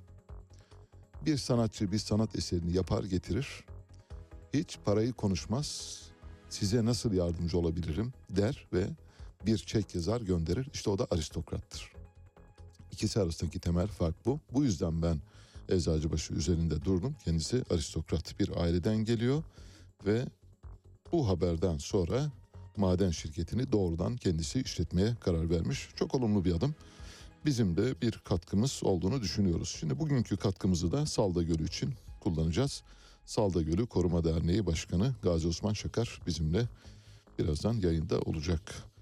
Cumhuriyet Halk Partisi Genel Başkan Yardımcılarından Oğuz Kağan Salıcı. Kendisi Doğu Anadolu'yu turluyor şu anda Doğu Anadolu'da. Şırnak'ta, Hakkari'de pek çok yerde aşiret reislerini partiye kazandırıyorlar. Bunu da eleştirdik ve eleştir, neden eleştirdiğimizi de ifade etmiştik. Korucu aşiretlerinden devşirilmiş kişilerden bir siyasi parti oluşturamazsınız demiştik Cumhuriyet Halk Partisi'ne. Hiç ihtiyacınız yok buna. Sizin zaten Güneydoğu'dan oy alabilme potan- potansiyeliniz belli. Bu potansiyelin üzerine çıkabilmeniz için başka şeyler yapmanız gerekirken gidip tekrar o feodaliteye, o ağalık aşiret düzenine teslim oluyorsunuz. Üstelik de Cumhuriyet Halk Partisi olarak yapıyorsunuz. Hani sistemle bütünleşik bir parti yapmış olsa kınamayız ama Cumhuriyet Halk Partisi'nin ele verir talkını kendi yutar salkımı meselesine dönüştürmesinden son derece kaygılıyız, rahatsızız dedik. Şimdi kaygılı olduğumuz noktalardan bir tanesi Oğuz Kağan Salıcı'nın demecinde ortaya çıktı. Şöyle dedi Oğuz Kağan Salıcı, şimdi ben size, bunun aksini kanıtlayacağım birazdan. Cumhuriyet Halk Partisi'nin doğu masasını anlatmış Oğuz Kağan Salıcı. Doğu müfettişi ya kendisi. Görev bölgesinde 20 il var. İlk sırada yüzde 325 artışla Batman yer alıyor. Onu yüzde 310 artışla Şırnak izliyor. Demek ki haber neymiş? Batman ve Şırnak'ta ve Güneydoğu'nun diğer illerinde Cumhuriyet Halk Partisi oylarını kat be kat artırıyor. Yüzde yüzler, iki yüzler, üç yüzler artık böyle dayanılmaz bir hızla artıyor. Yüzde 325 nerede? Batman'da. Yüzde 310 nerede? Şırnak'ta. Peki. Hazır mısınız? Şimdi yüzde 310 artan Cumhuriyet Halk Partisi'nin oyu ne derseniz yüzlerle ifade ettiğiniz zaman çok hoş geliyor. Dile böyle hani kulağınızda değil mi? Onu çok seksi geliyor. Yüzde 310 abi artırmış adam işte oyunu daha ne yapsın yani yüzde 310 bak 300 bir de 10. 300 bir de artı 10 var artırmış. Cumhuriyet Halk Partisi'nin son seçimde 23 Haziran seçimlerinde Şırnak'ta aldığı oy kaç biliyor musunuz? 599 adet. 599 adet. Şimdi adet bazına vuruyorum. Şeyden yüzdeden çıkardım adete vuruyorum. AK Parti'nin aldığı oy ne? 19.718. AK Parti'nin küsuratını bile alamamış Cumhuriyet Halk Partisi. Şimdi diyor ki oyumuzu yüzde 310 artırdık. 300 bir de 10. Oyunuz 599. 310 artırırsanız 1800. Nasıl? İktidara mı geliyorsunuz? Yani bunlarla mı oy alıyorsunuz? Mesela parti müfettişi göndermişsiniz oraya. Oğuz Kağan Salıcı orada çalışma yapıyor. Ne yaptın Oğuz? Bir gel bakayım şöyle. Ha? Vallahi Kemal Bey Batman'da çok iyiyiz. Şırnak'ta. Hakkari'de bildiğiniz gibi de uçuyoruz. Uçuyoruz. Kanatlanıyoruz. Öyle böyle değil. Halk bizi çok seviyor. Biz yani siz oralara çok gitmiyorsunuz. Ben gidip geliyorum oraların artık şeyleri, sokak caddelerini falan ezberledim. İnsanlarla kahvelerde, sabahçı kahvelerinde oturuyoruz falan. Hasbihal ediyoruz. Köy ihtiyar odalarında yemek yiyoruz. Bağdaş kuruyoruz falan diye. 300 yüzde 300'lük oy sadece sizi aldatmaya yeter. Başka hiçbir şey yetmez. Bir de böyle ağabey, derebey, feodalite, aşiret reisleri, kabile falan siyasetine dönecekseniz zaten hiç dönmeyiniz. Cumhuriyet Halk Partisi'ne zaten hiç yakışmıyor. Başka bir yol tespit etmeniz gerekiyor. Hazırsanız size bir ses kaydı sunacağım. Evet, bravo.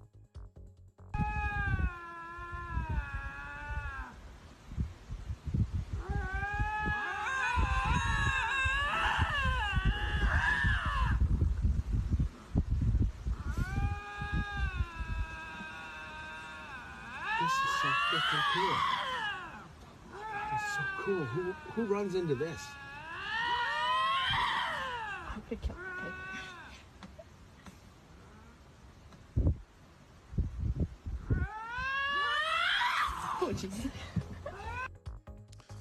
Yeterince neşenizi kaçırdıysak e, daha uzundu. Bu kadarını dinleyebildik. Biz bile dayanamadık. Hatta Onur'la oradan bakışıyoruz. Onur bana diyor ki abi 5 saniye kaldı diyor. Yani dayan demek istiyor.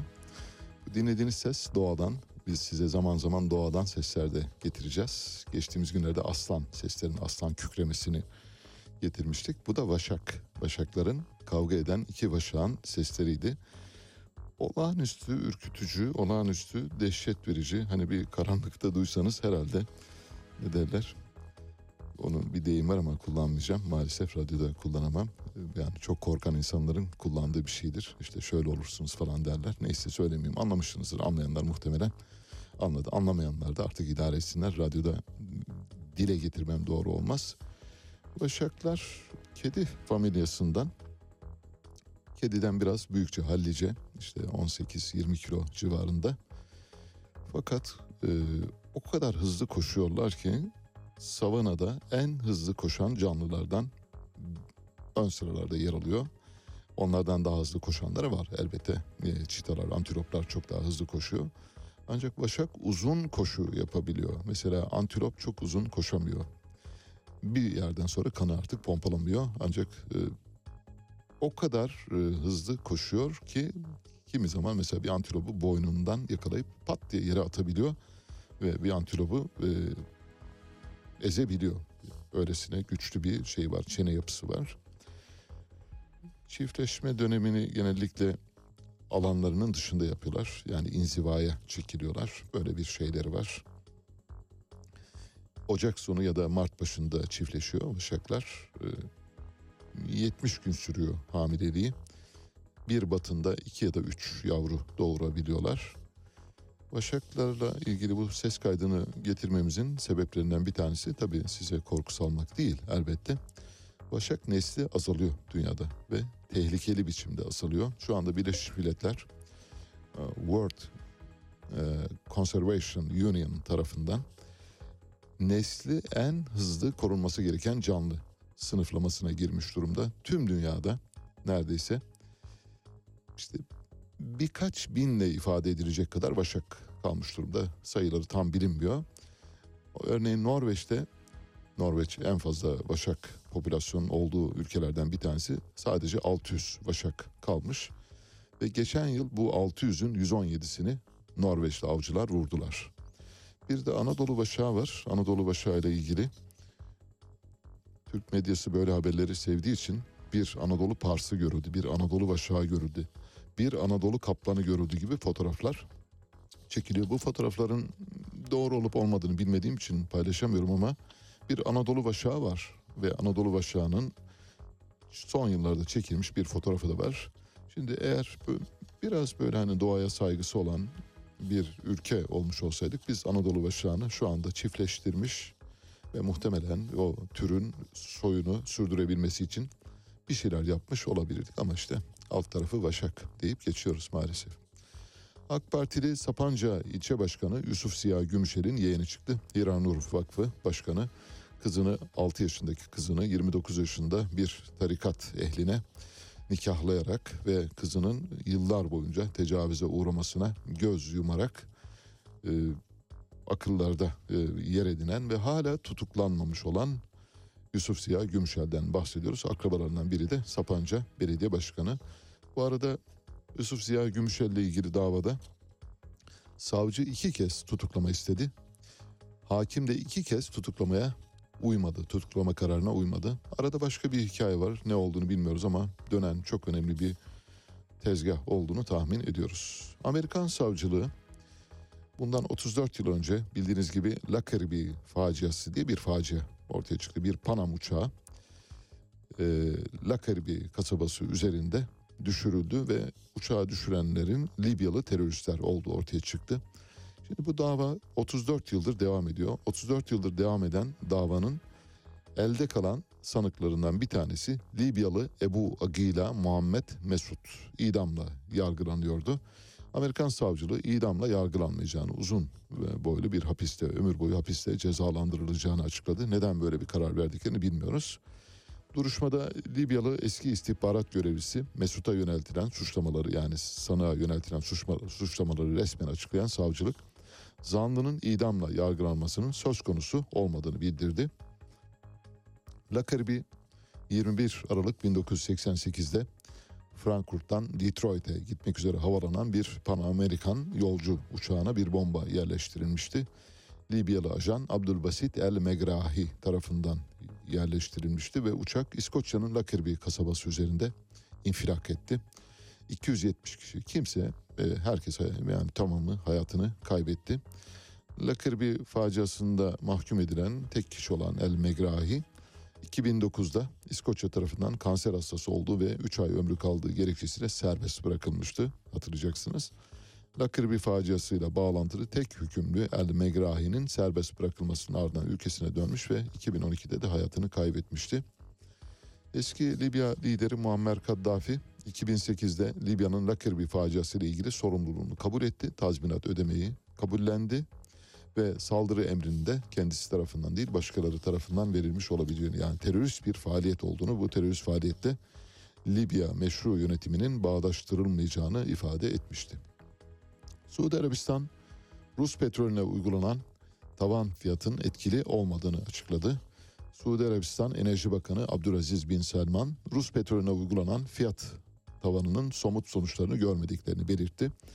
Petrol piyasasını değerlendirirken Rusya'nın bu tür yaptırımlara tepkisinin de dikkate alınması gerektiğini kaydetti. Bu yaptırımların siyasi amaçlarla kullanıldığını ve henüz bu sayede sonuç elde edilmesinin söz konusu olamayacağını ifade etti. Çeviri kötü ama idare edin artık. Hikaye şu, bu haberi şunun için paylaştım. Rusya'ya Avrupa Birliği'nin ve Amerika'nın uyguladığı tavan fiyat 70 dolar. Yani Brent petrolü 70 doların üzerinde satın almayacağız diyorlar. Şu anda Brent petrol dün itibariyle 76 dolar. Yarın öbür gün Brent petrol 70 dolara bile gelebilir. Diyelim ki Brent petrol 69 dolara geldi. Bu durumda Avrupa Birliği tavan fiyatı 69'a mı çekecek? Mesela ne olacak bilmiyoruz. Avrupa Birliği hani böyle akil adamlar karar veriyorlar. Bunlar yaptıysa çok iyi olmuştur. Hayır orada da böyle saçma sapan düşünen Türkiye'deki siyasilerden, siyasetçilerden çok farkı olmayan insanlar yönetiyor. Siyaset kurumları maalesef bu tür insanların eline teslim edilmiş durumda. O yüzden işte 70 dolar. Kimin aklından çıktıysa, nereden çıktıysa 70 dolar. Peki yarın petrol 50 dolara indiği zaman ne yapacaksınız? Her seferinde tavan fiyatı aşağı mı çekeceksiniz? Kaldı ki petrol fiyatlarının yukarı doğru çıkması için bir çaba göstermeniz lazım. Bunu da yapmıyorsunuz. Petrol fiyatlarının yukarıya çıkabilmesi için Suudi Arabistan'ın olağanüstü bir kısıtlama uygulaması lazım. Üretim kısıtlaması. Bunu yapmıyor. E, Suudi Arabistan ben istediğim petrolü satarım diyor. Joe Biden da diyor ki Suudi Arabistan bize yanlış yapıyor. Böylesi bir kargaşa ortamında sürüp giden bir petrol fiyat sınırlaması var. Bir komedi, bir hakikaten içinden çıkılmaz bir durum. Hazırsanız bir dosyanın kapağını aralıyoruz. Fikret İnan, Fi Yapı'nın patronu. Çok sayıda inşaatı zamanında teslim etmediği ve çok sayıda kişiyi mağdur ettiği iddia edilen bir inşaat şirketinin sahibi. Fi Yapı diye geçiyor inşaat şirketi. Akif Hamza Çebi'yi tehdit etmiş. Akif Hamza Çebi de Cumhuriyet Halk Partisi Grup Başkan Vekili bildiğiniz gibi şöyle bir tweet yazdı, bir paylaşımda bulundu. Fikret İnan isimli kişinin sözlerinden mafya üslubuna sahip biri olduğu anlaşılıyor. Biz senin gibilere papuç bırakmayız, mafya bozuntusu. Ben kimim biliyor musun diyerek arkanda iktidar gücünü hissettirmeye çalışıyorsun kendince. Hadi bakalım elinden geleni ardına koyma diyor. Evet Böyle insanlara böyle cevap verilir. Bence doğru bir üslup kullanmış Akif Hamza Çebi. Şimdi Fikret İnan ben kendisini inşaat yaptığı yıllarda tanırım bir parça. Yani işte yayınlara gelip gidiyordu. Kaşı gözü oynuyordu öyle söyleyeyim. Yani hani daha ötesini söylemiyorum. Siz buradan ne e, söylemek istediğimi anlıyorsunuz muhtemelen. Hani böyle elinizi verseniz parmaklarınızı hakikaten saymanız gereken bir e, kişiydi. Uçan kuşa borcu vardı bu inşaatları yaparken fi yapı kuleleri kuruyordu. Bu kuleleri kurarken kardeşlik zamanı diye bir kampanya başlattı. Bu kardeşlik zamanıyla 500 daireyi parasız olarak vaat edeceğini, satacağını, birilerine vereceğini ifade etti. Tutmadı tabii sözünü elbette. Sadece bir kampanyaydı. Çünkü oraya müşteri çağırıyor. Ben 500 kişiye daire vereceğim diye. İnsanlar da e, bu adam iyi bir adam o zaman biz dairemizi buradan alalım. Hayır hasenet işleri şekerim öyle yapacaksın. Yani işte bu tür insanlardan almak lazım. Bak adam bağışlamaya. Adam, adam yani zekatını veriyor falan diye böyle kendi kendinizi kandırırsınız biliyorsunuz. Mütedeyyin olanlar için söylüyorum. Eylül ayında mesela 2011 Eylül ayında teslim etmesi gereken daireleri teslim etmedi. Toplam borcu o yıllarda 2011'de 8 milyon liraydı. Elinde bir ada vardı Garip Ada diye. Garip Adanın değeri 200 milyon dolardı. 200 milyon dolar bir varlığa sahip olan kişi 8 milyon lira ödemedi. Çünkü başka bir şeyler yapıyordu. Hemen o arada bu 500 aileye işte ev bağışlayacağım kampanyasından sonra çıktı. Dedi ki Beşiktaş'ın sponsoru olacağım. Beşiktaş İnönü Stadı'nın isim sponsoru benim. Oldu.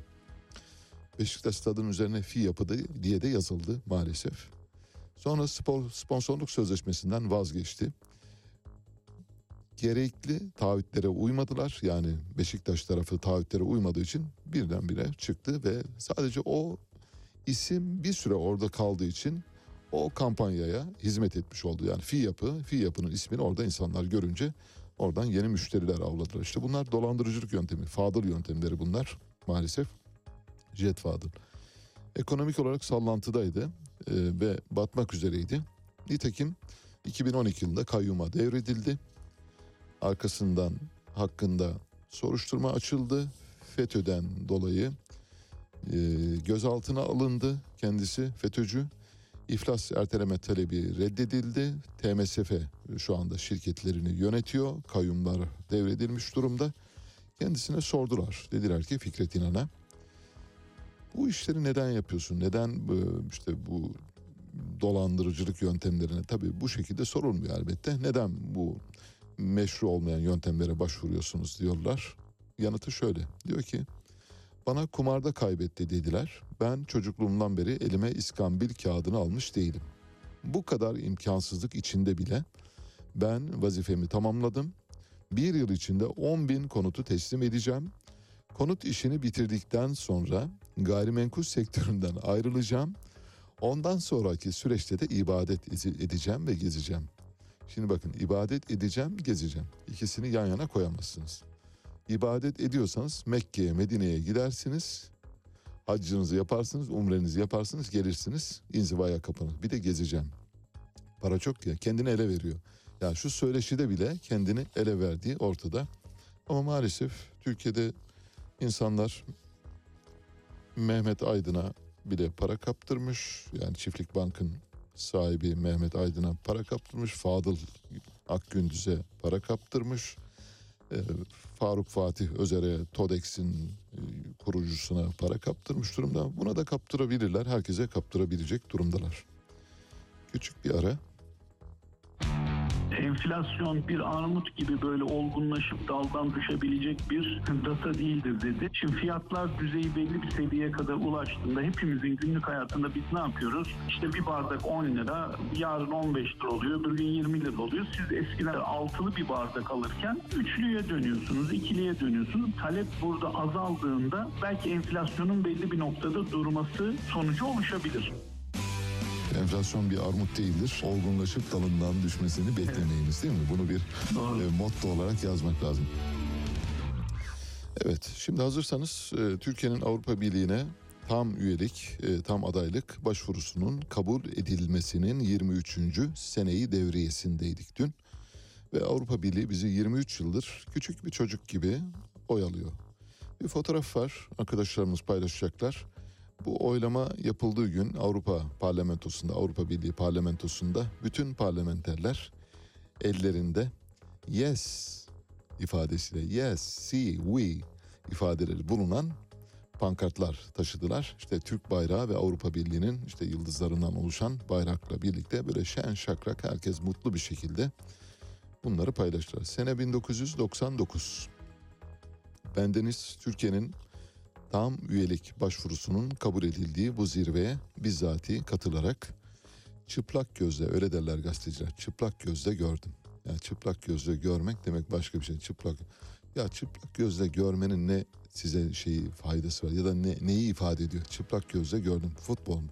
Abi Katar'a gidiyoruz çıplak gözle göreceğiz. E, şeyde olmuyor mu? Televizyonda olmuyor mu? Yok abi olmuyor.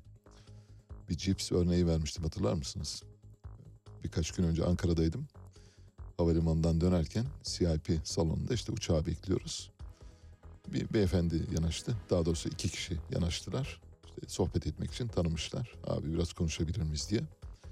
Hani bizim böyle borsa ve piyasalar konusunda bir allame olduğumuzu düşünüyorlar. Hemen borsa soruyor. Kimse anlamıyor söyleyeyim size. O borsa konusunda yorum yapanlar var ya böyle televizyonlarda çıkıyorlar.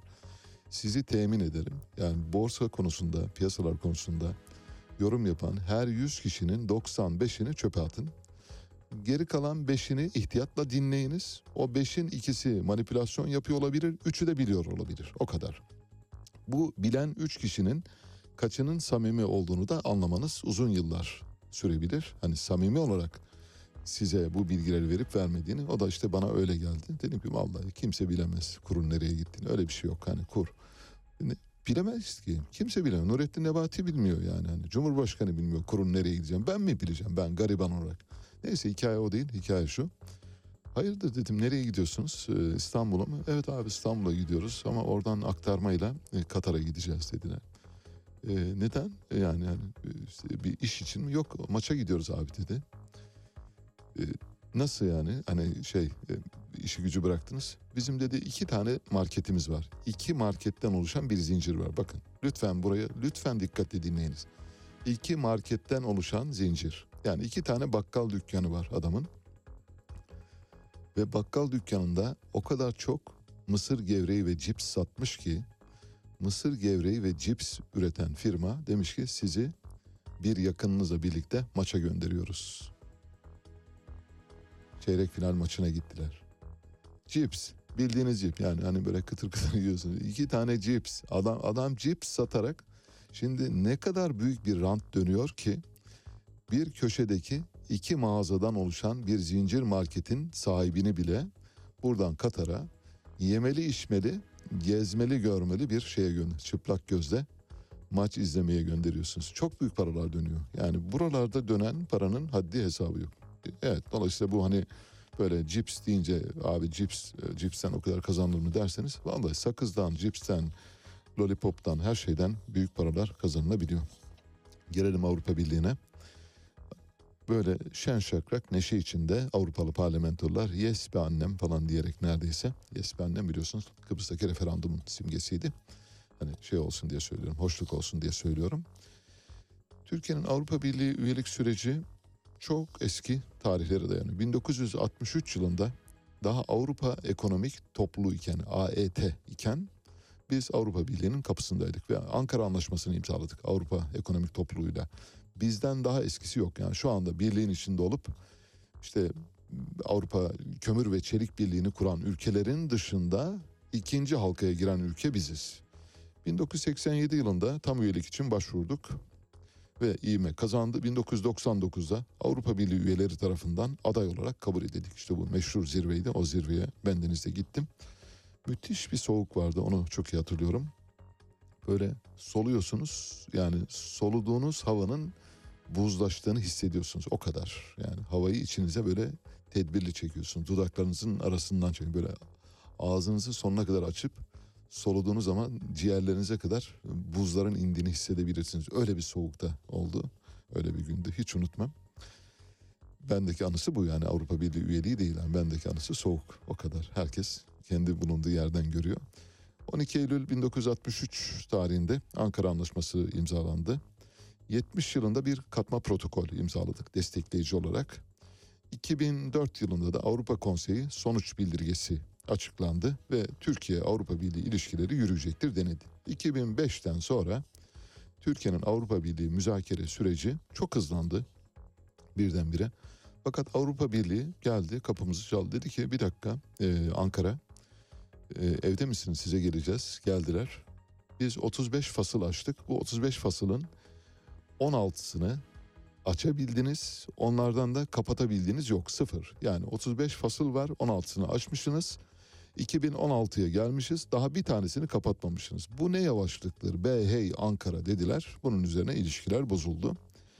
2016'da böylece katılım müzakereleri durdu. Avrupa Birliği Türkiye'yi insan hakları ihlalleri ve hukukun üstünlüğü konusundaki eksikliklerle suçladı.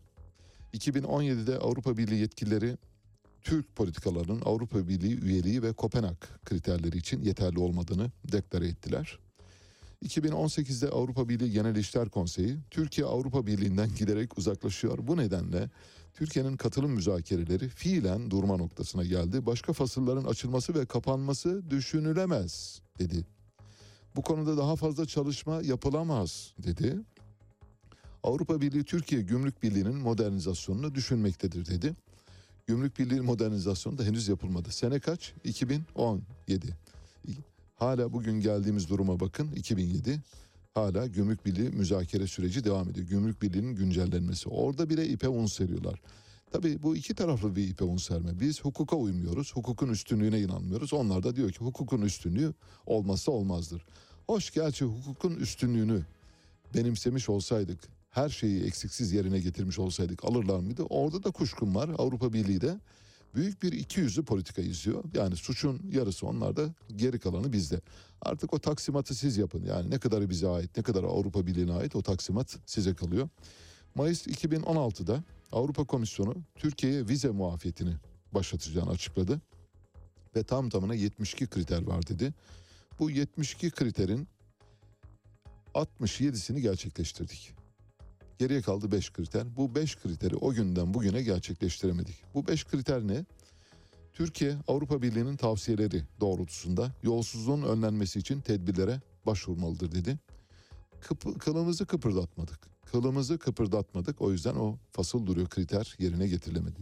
İki, Türkiye Avrupa Birliği standartlarına uygun kişisel verilerin korunmasına ilişkin ulusal mevzuatın uyumlaştırılması gerekmektedir. Bunu yerine getirdik. Ama hala bizi yerine getirmemiş muamelesi yaparak bizi imtihan ediyorlar. Orada da Avrupa Birliği haksız. Ee, şu anda Türkiye iyi bir kişisel verilerin korunması kanununa ve kuruluna sahiptir ayrıca. Türkiye Europol'le bir anlaşma yapmalıdır diyor Avrupa Birliği, Europol, Avrupa Polisi. Bu anlaşmamız var ama sözde bir anlaşma. İşimize geleni iade ediyoruz, suçluyu işimize gelmeyeni iade etmiyoruz.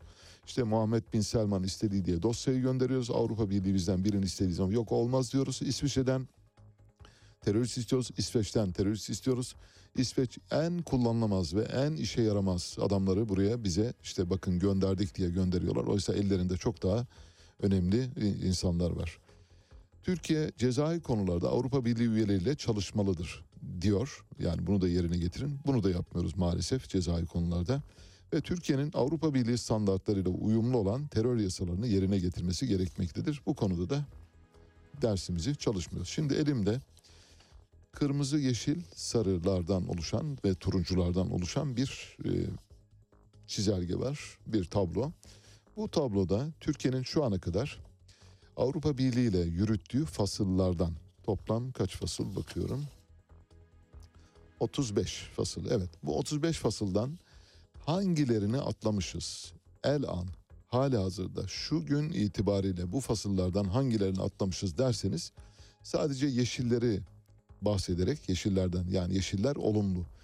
Diğerleri okumadıklarım, bahsetmediklerim olumsuz. Toplam 35 fasıldan bahsediyoruz. Şu ana kadar Avrupa Birliği 5 dakika sonra bu arada telefonumuz olacak. Avrupa Birliği malların serbest dolaşımı konusunda Türkiye'ye tam not verdi. Diyor ki tamam yaptınız bravo tebrik ederiz Türkiye. Genel müktesebata uygun davranıyorsunuz. Güzel aferin sizi kutluyoruz. Sonra geçiyoruz şirketler hukuku konusunda tam anlamıyla Avrupa Birliği ile uyum sağladık. Burada da sorun yok. Etti 2. Fikri mülkiyet hukuku konusunda fena değilsiniz diyor. Etti 3. Mali hizmetler konusunda müktesebata çok yakınsınız diyor. Etti 4. Taşımacılık politikası konusunda fena değilsiniz diyor. Etti 5. Geçiyoruz. İşletmeler ve sanayi politikası konusunda fena değilsiniz. Başlığı tamamladınız. Etti 6. Geliyoruz. İstatistik konusunda iyisiniz 7. İşletmeler konusunda iyisiniz 8.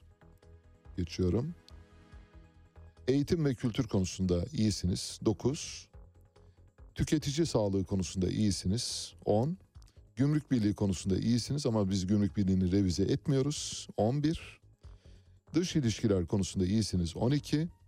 Dış güvenlik konusunda iyisiniz 13. Mali konularda mali kontrol konusunda kara para aklama hikayesi. Orada da bizi gri listeye aldılar biliyorsunuz.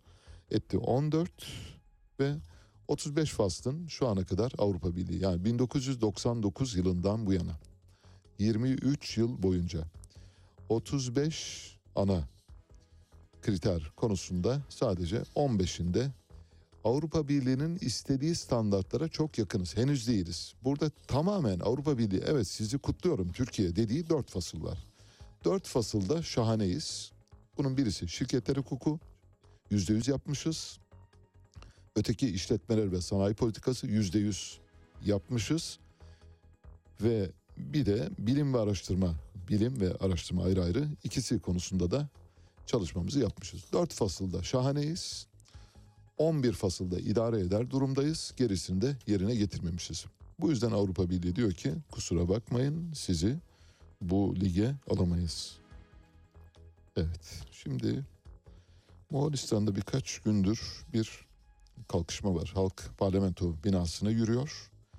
Moğolistan'da ne oluyor ne bitiyor derseniz Moğolistan'la ilgili durumu açıklamaya çalışacağız. Moğolistan'da Moğolistan dünyanın en büyük kömür ve bakır yataklarına sahip ülkelerden bir tanesi. Bakırda birinci, dünya birincisi. Daha zengin yataklara sahip olan ülke yok şu an itibariyle. Belirlenmiş yataklardan bahsediyoruz. Bir süre önce Moğolistan Çin'e kömür sattı. Ve Çin'e satılan kömürün 12.9 milyar dolar olduğu tahmin ediliyor. Fakat Çin'den alınan para bunun onda biri kadar. Yani bütçeye giren, hazine bütçesine giren para bunun onda biri 12.9 milyar. Demek ki %90'ını çalmışlar. Kim çalmış? Bilmiyoruz işte halk parlamento yürüdüğüne göre muhtemelen parlamentodaki birileri çalmış olabilir. Evet. Bildiğiniz gibi Mısır'ın eski devlet başkanı Hüsnü Mübarek IMF, OECD ve Avrupa Birliği kayıtlarına göre 70 milyar dolar servete sahip. Ufacık ülkenin 70 milyar dolar servete sahip devlet başkanından bahsediyoruz. Ülkenin neredeyse dörtte birini çalmış. Ülkenin dörtte birini çalan devlet başkanlarından bahsediyoruz. Burada da elbette Moğolistan'da bu işleri yapan, usturuplu yapan hırsızlar var. Onların onların şu anda sorgulama günü geldi. Halk şu anda ayaklanmış durumda. Yarın belki Moğolistan üzerinde biraz dururuz. Evet hazırsanız şimdi Salda Gölü'ne gideceğiz. Salda Gölü yakınlarındaki mera alanlarının kullanımıyla ilgili çiftçiler, köylüler, köylü kadınlar ayaklanmış durumda kazma küreklerle her gün eylem gerçekleştiriyorlar. Hayvanlarımızı ne, nerede otlatacağız diyorlar. Hayvanlarımızı otlatmak için bize yer gösterin fakat jandarma da oraya sokmuyor. Şimdi orada bir inisiyatif var. Salda Gölü Koruma Derneği. Salda Gölü Koruma Derneği Başkanı Gazi Osman Şakar şu anda telefon attığımızda. Gazi Osman Bey hoş geldiniz. Hoş bulduk efendim. Nasılsınız? iyi misiniz? Bir hatırınızı Teşekkür soralım ederim. önce. Ee, Teşekkür yani- ederim. İyi yayınlar diliyorum. Çok teşekkürler. Meseleye adapte olmanız için yapıyorum bunu. Şimdi bize e, oradaki durumu anlatmanızı rica ediyoruz. Yaklaşık e, bir haftadır e, kadınlar, köylü kadınlar, tabii köylülerin tamamı ayakta. Hikaye nedir? E, neden kaynaklanıyor? Neden izin vermiyorlar? Köylü kadınların mücadelesine kimler destek veriyor? Siyasi partiler yanınızda mı? Sivil toplum örgütlerinden e, size yani sizin Salda Gölü Derneği dışındaki derneklerden herhangi bir katkı var mı? Yaklaşık 10 dakika vaktimiz var. Sizi dinleyeceğiz. Ee, yalnız yanlış yanlış bir bilgi var galiba. Salda Gölü'nün kenarında e, köylü kadınların herhangi bir ayaklanması yok. Salda Gölü e, dünyada eşi benzeri olmayan Mars, Mars gezegenine benzeyen Evet. E, kapalı bir havza. Yani e, Salda Gölü'ne gelen kirlilik bir daha Salda Gölü'nden çıkamaz. E, Salda Gölü'nün sadece Beyaz Adalar bölümünde e, göle yaklaşmak e, ya da hayvan sokmak, insanların girmesi yasak. Evet. Diğer yerlerde e, göle girilebiliyor. Hayvanlar yaklaşıp su içebiliyor. E, zaten göl kenarında otlatılacak bir alan da yok. Yani e, arazide otlatılıp hayvanlar sulamak için göle gelebilir.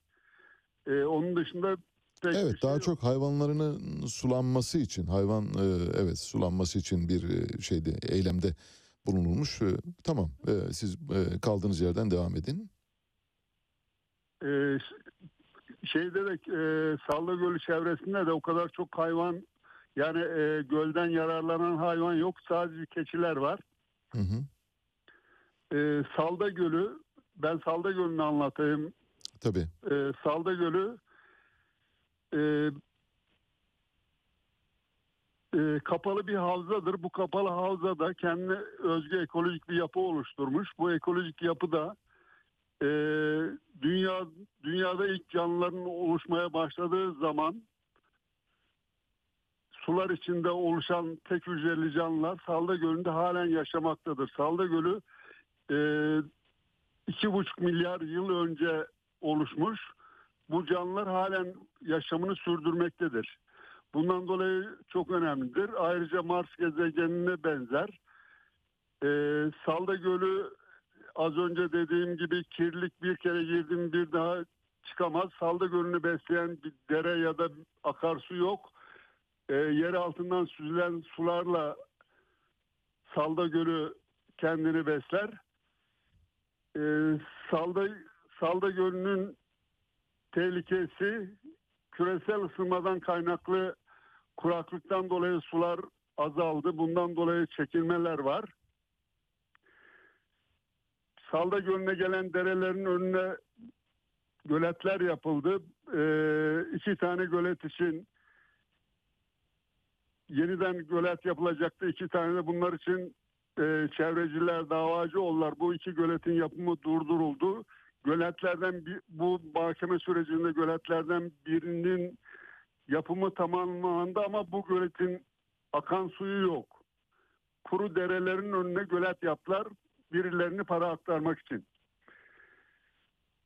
Çok Ee, enteresan. Salda Gölü Salda Gölü e, 1980 yılına kadar kendi halinde dururken 1980 yılında Türkiye'de turizmin canlanması ile beraber insanların ilgi odağı oldu ve bu ilgi insanların ilgisi Salda Gölü'ne artarak devam etti. Ee, 2019 yılında Salda Gölü'ne 1 milyon 500 bin insan geldiği söyleniyor resmi kayıtlara göre.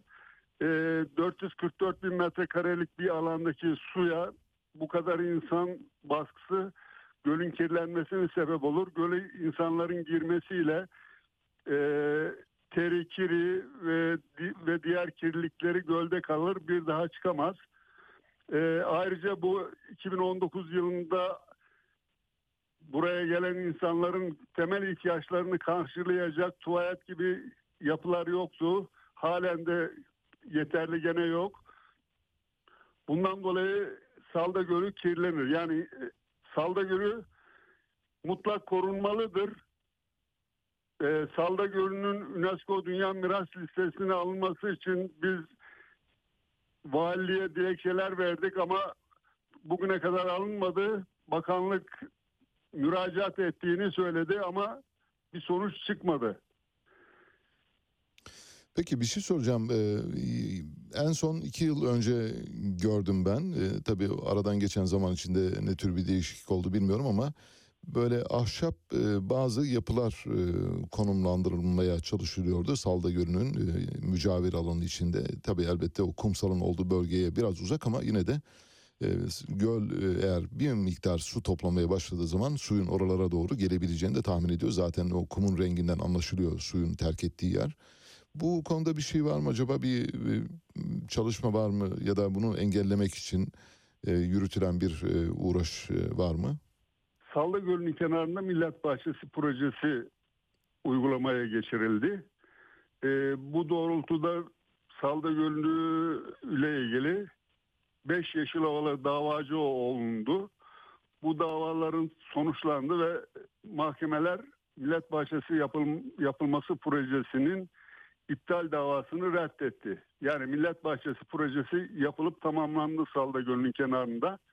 Ee, ancak e, Salda Gölü Koruma Derneği'nin mücadelesiyle Beyaz Adalar bölgesinde yapılacak olan 52 binadan 9 tane bina yapıldı. Diğerleri iptal edildi ve şimdi o bölgede suya girmek yasak, beyaz kumlara basmak yasak.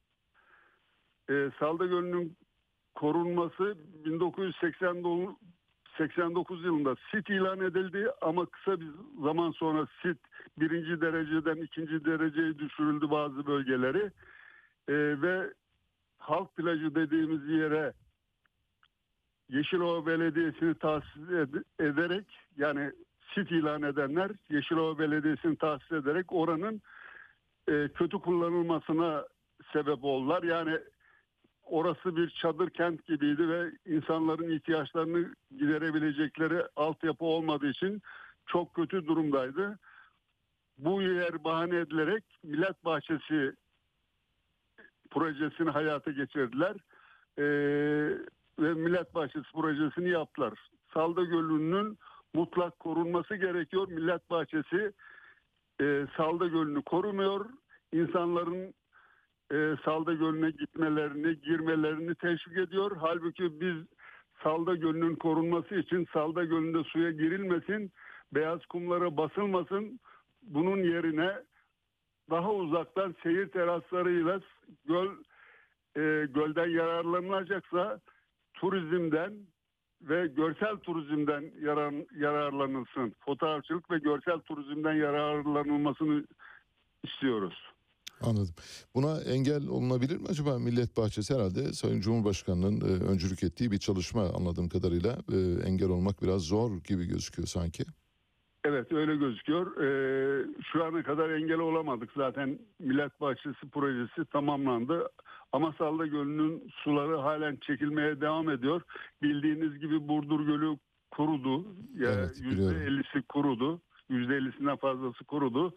Salda Gölü'nde de e, önceki su yapısından 150-200 metre kenardan su çekildi. Yüksekliğinden de 4-4,5-5 metre civarında e, derinliğinden su kayboldu. Tabii yapılabilecek şey sınırlı bu durumda işte e, sadece hukuk zemininde e, mücadele vermek lazım diye düşünüyorum. Size e, kolaylıklar diliyorum Gazi Osman Bey. İlave edeceğiniz bir şey kaldıysa dinleyebiliriz. Birkaç dakika daha vaktimiz var. Yoksa burada noktalayabiliriz. Yani e, teşekkür ediyoruz. Peki. Salda Gölü'nü gündeme getirmeniz çok güzel. Teşekkür ediyoruz. Peki sağ olun. Çok teşekkürler size kolaylıklar diliyoruz.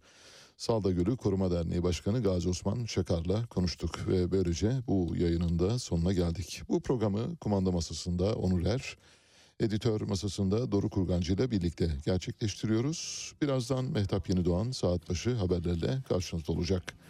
Size İtalyanların önemli müzisyenlerinden Toto Cutugno'dan parçalar seçtik ve Toto Cutugno ile sizi baş başa bırakıyoruz.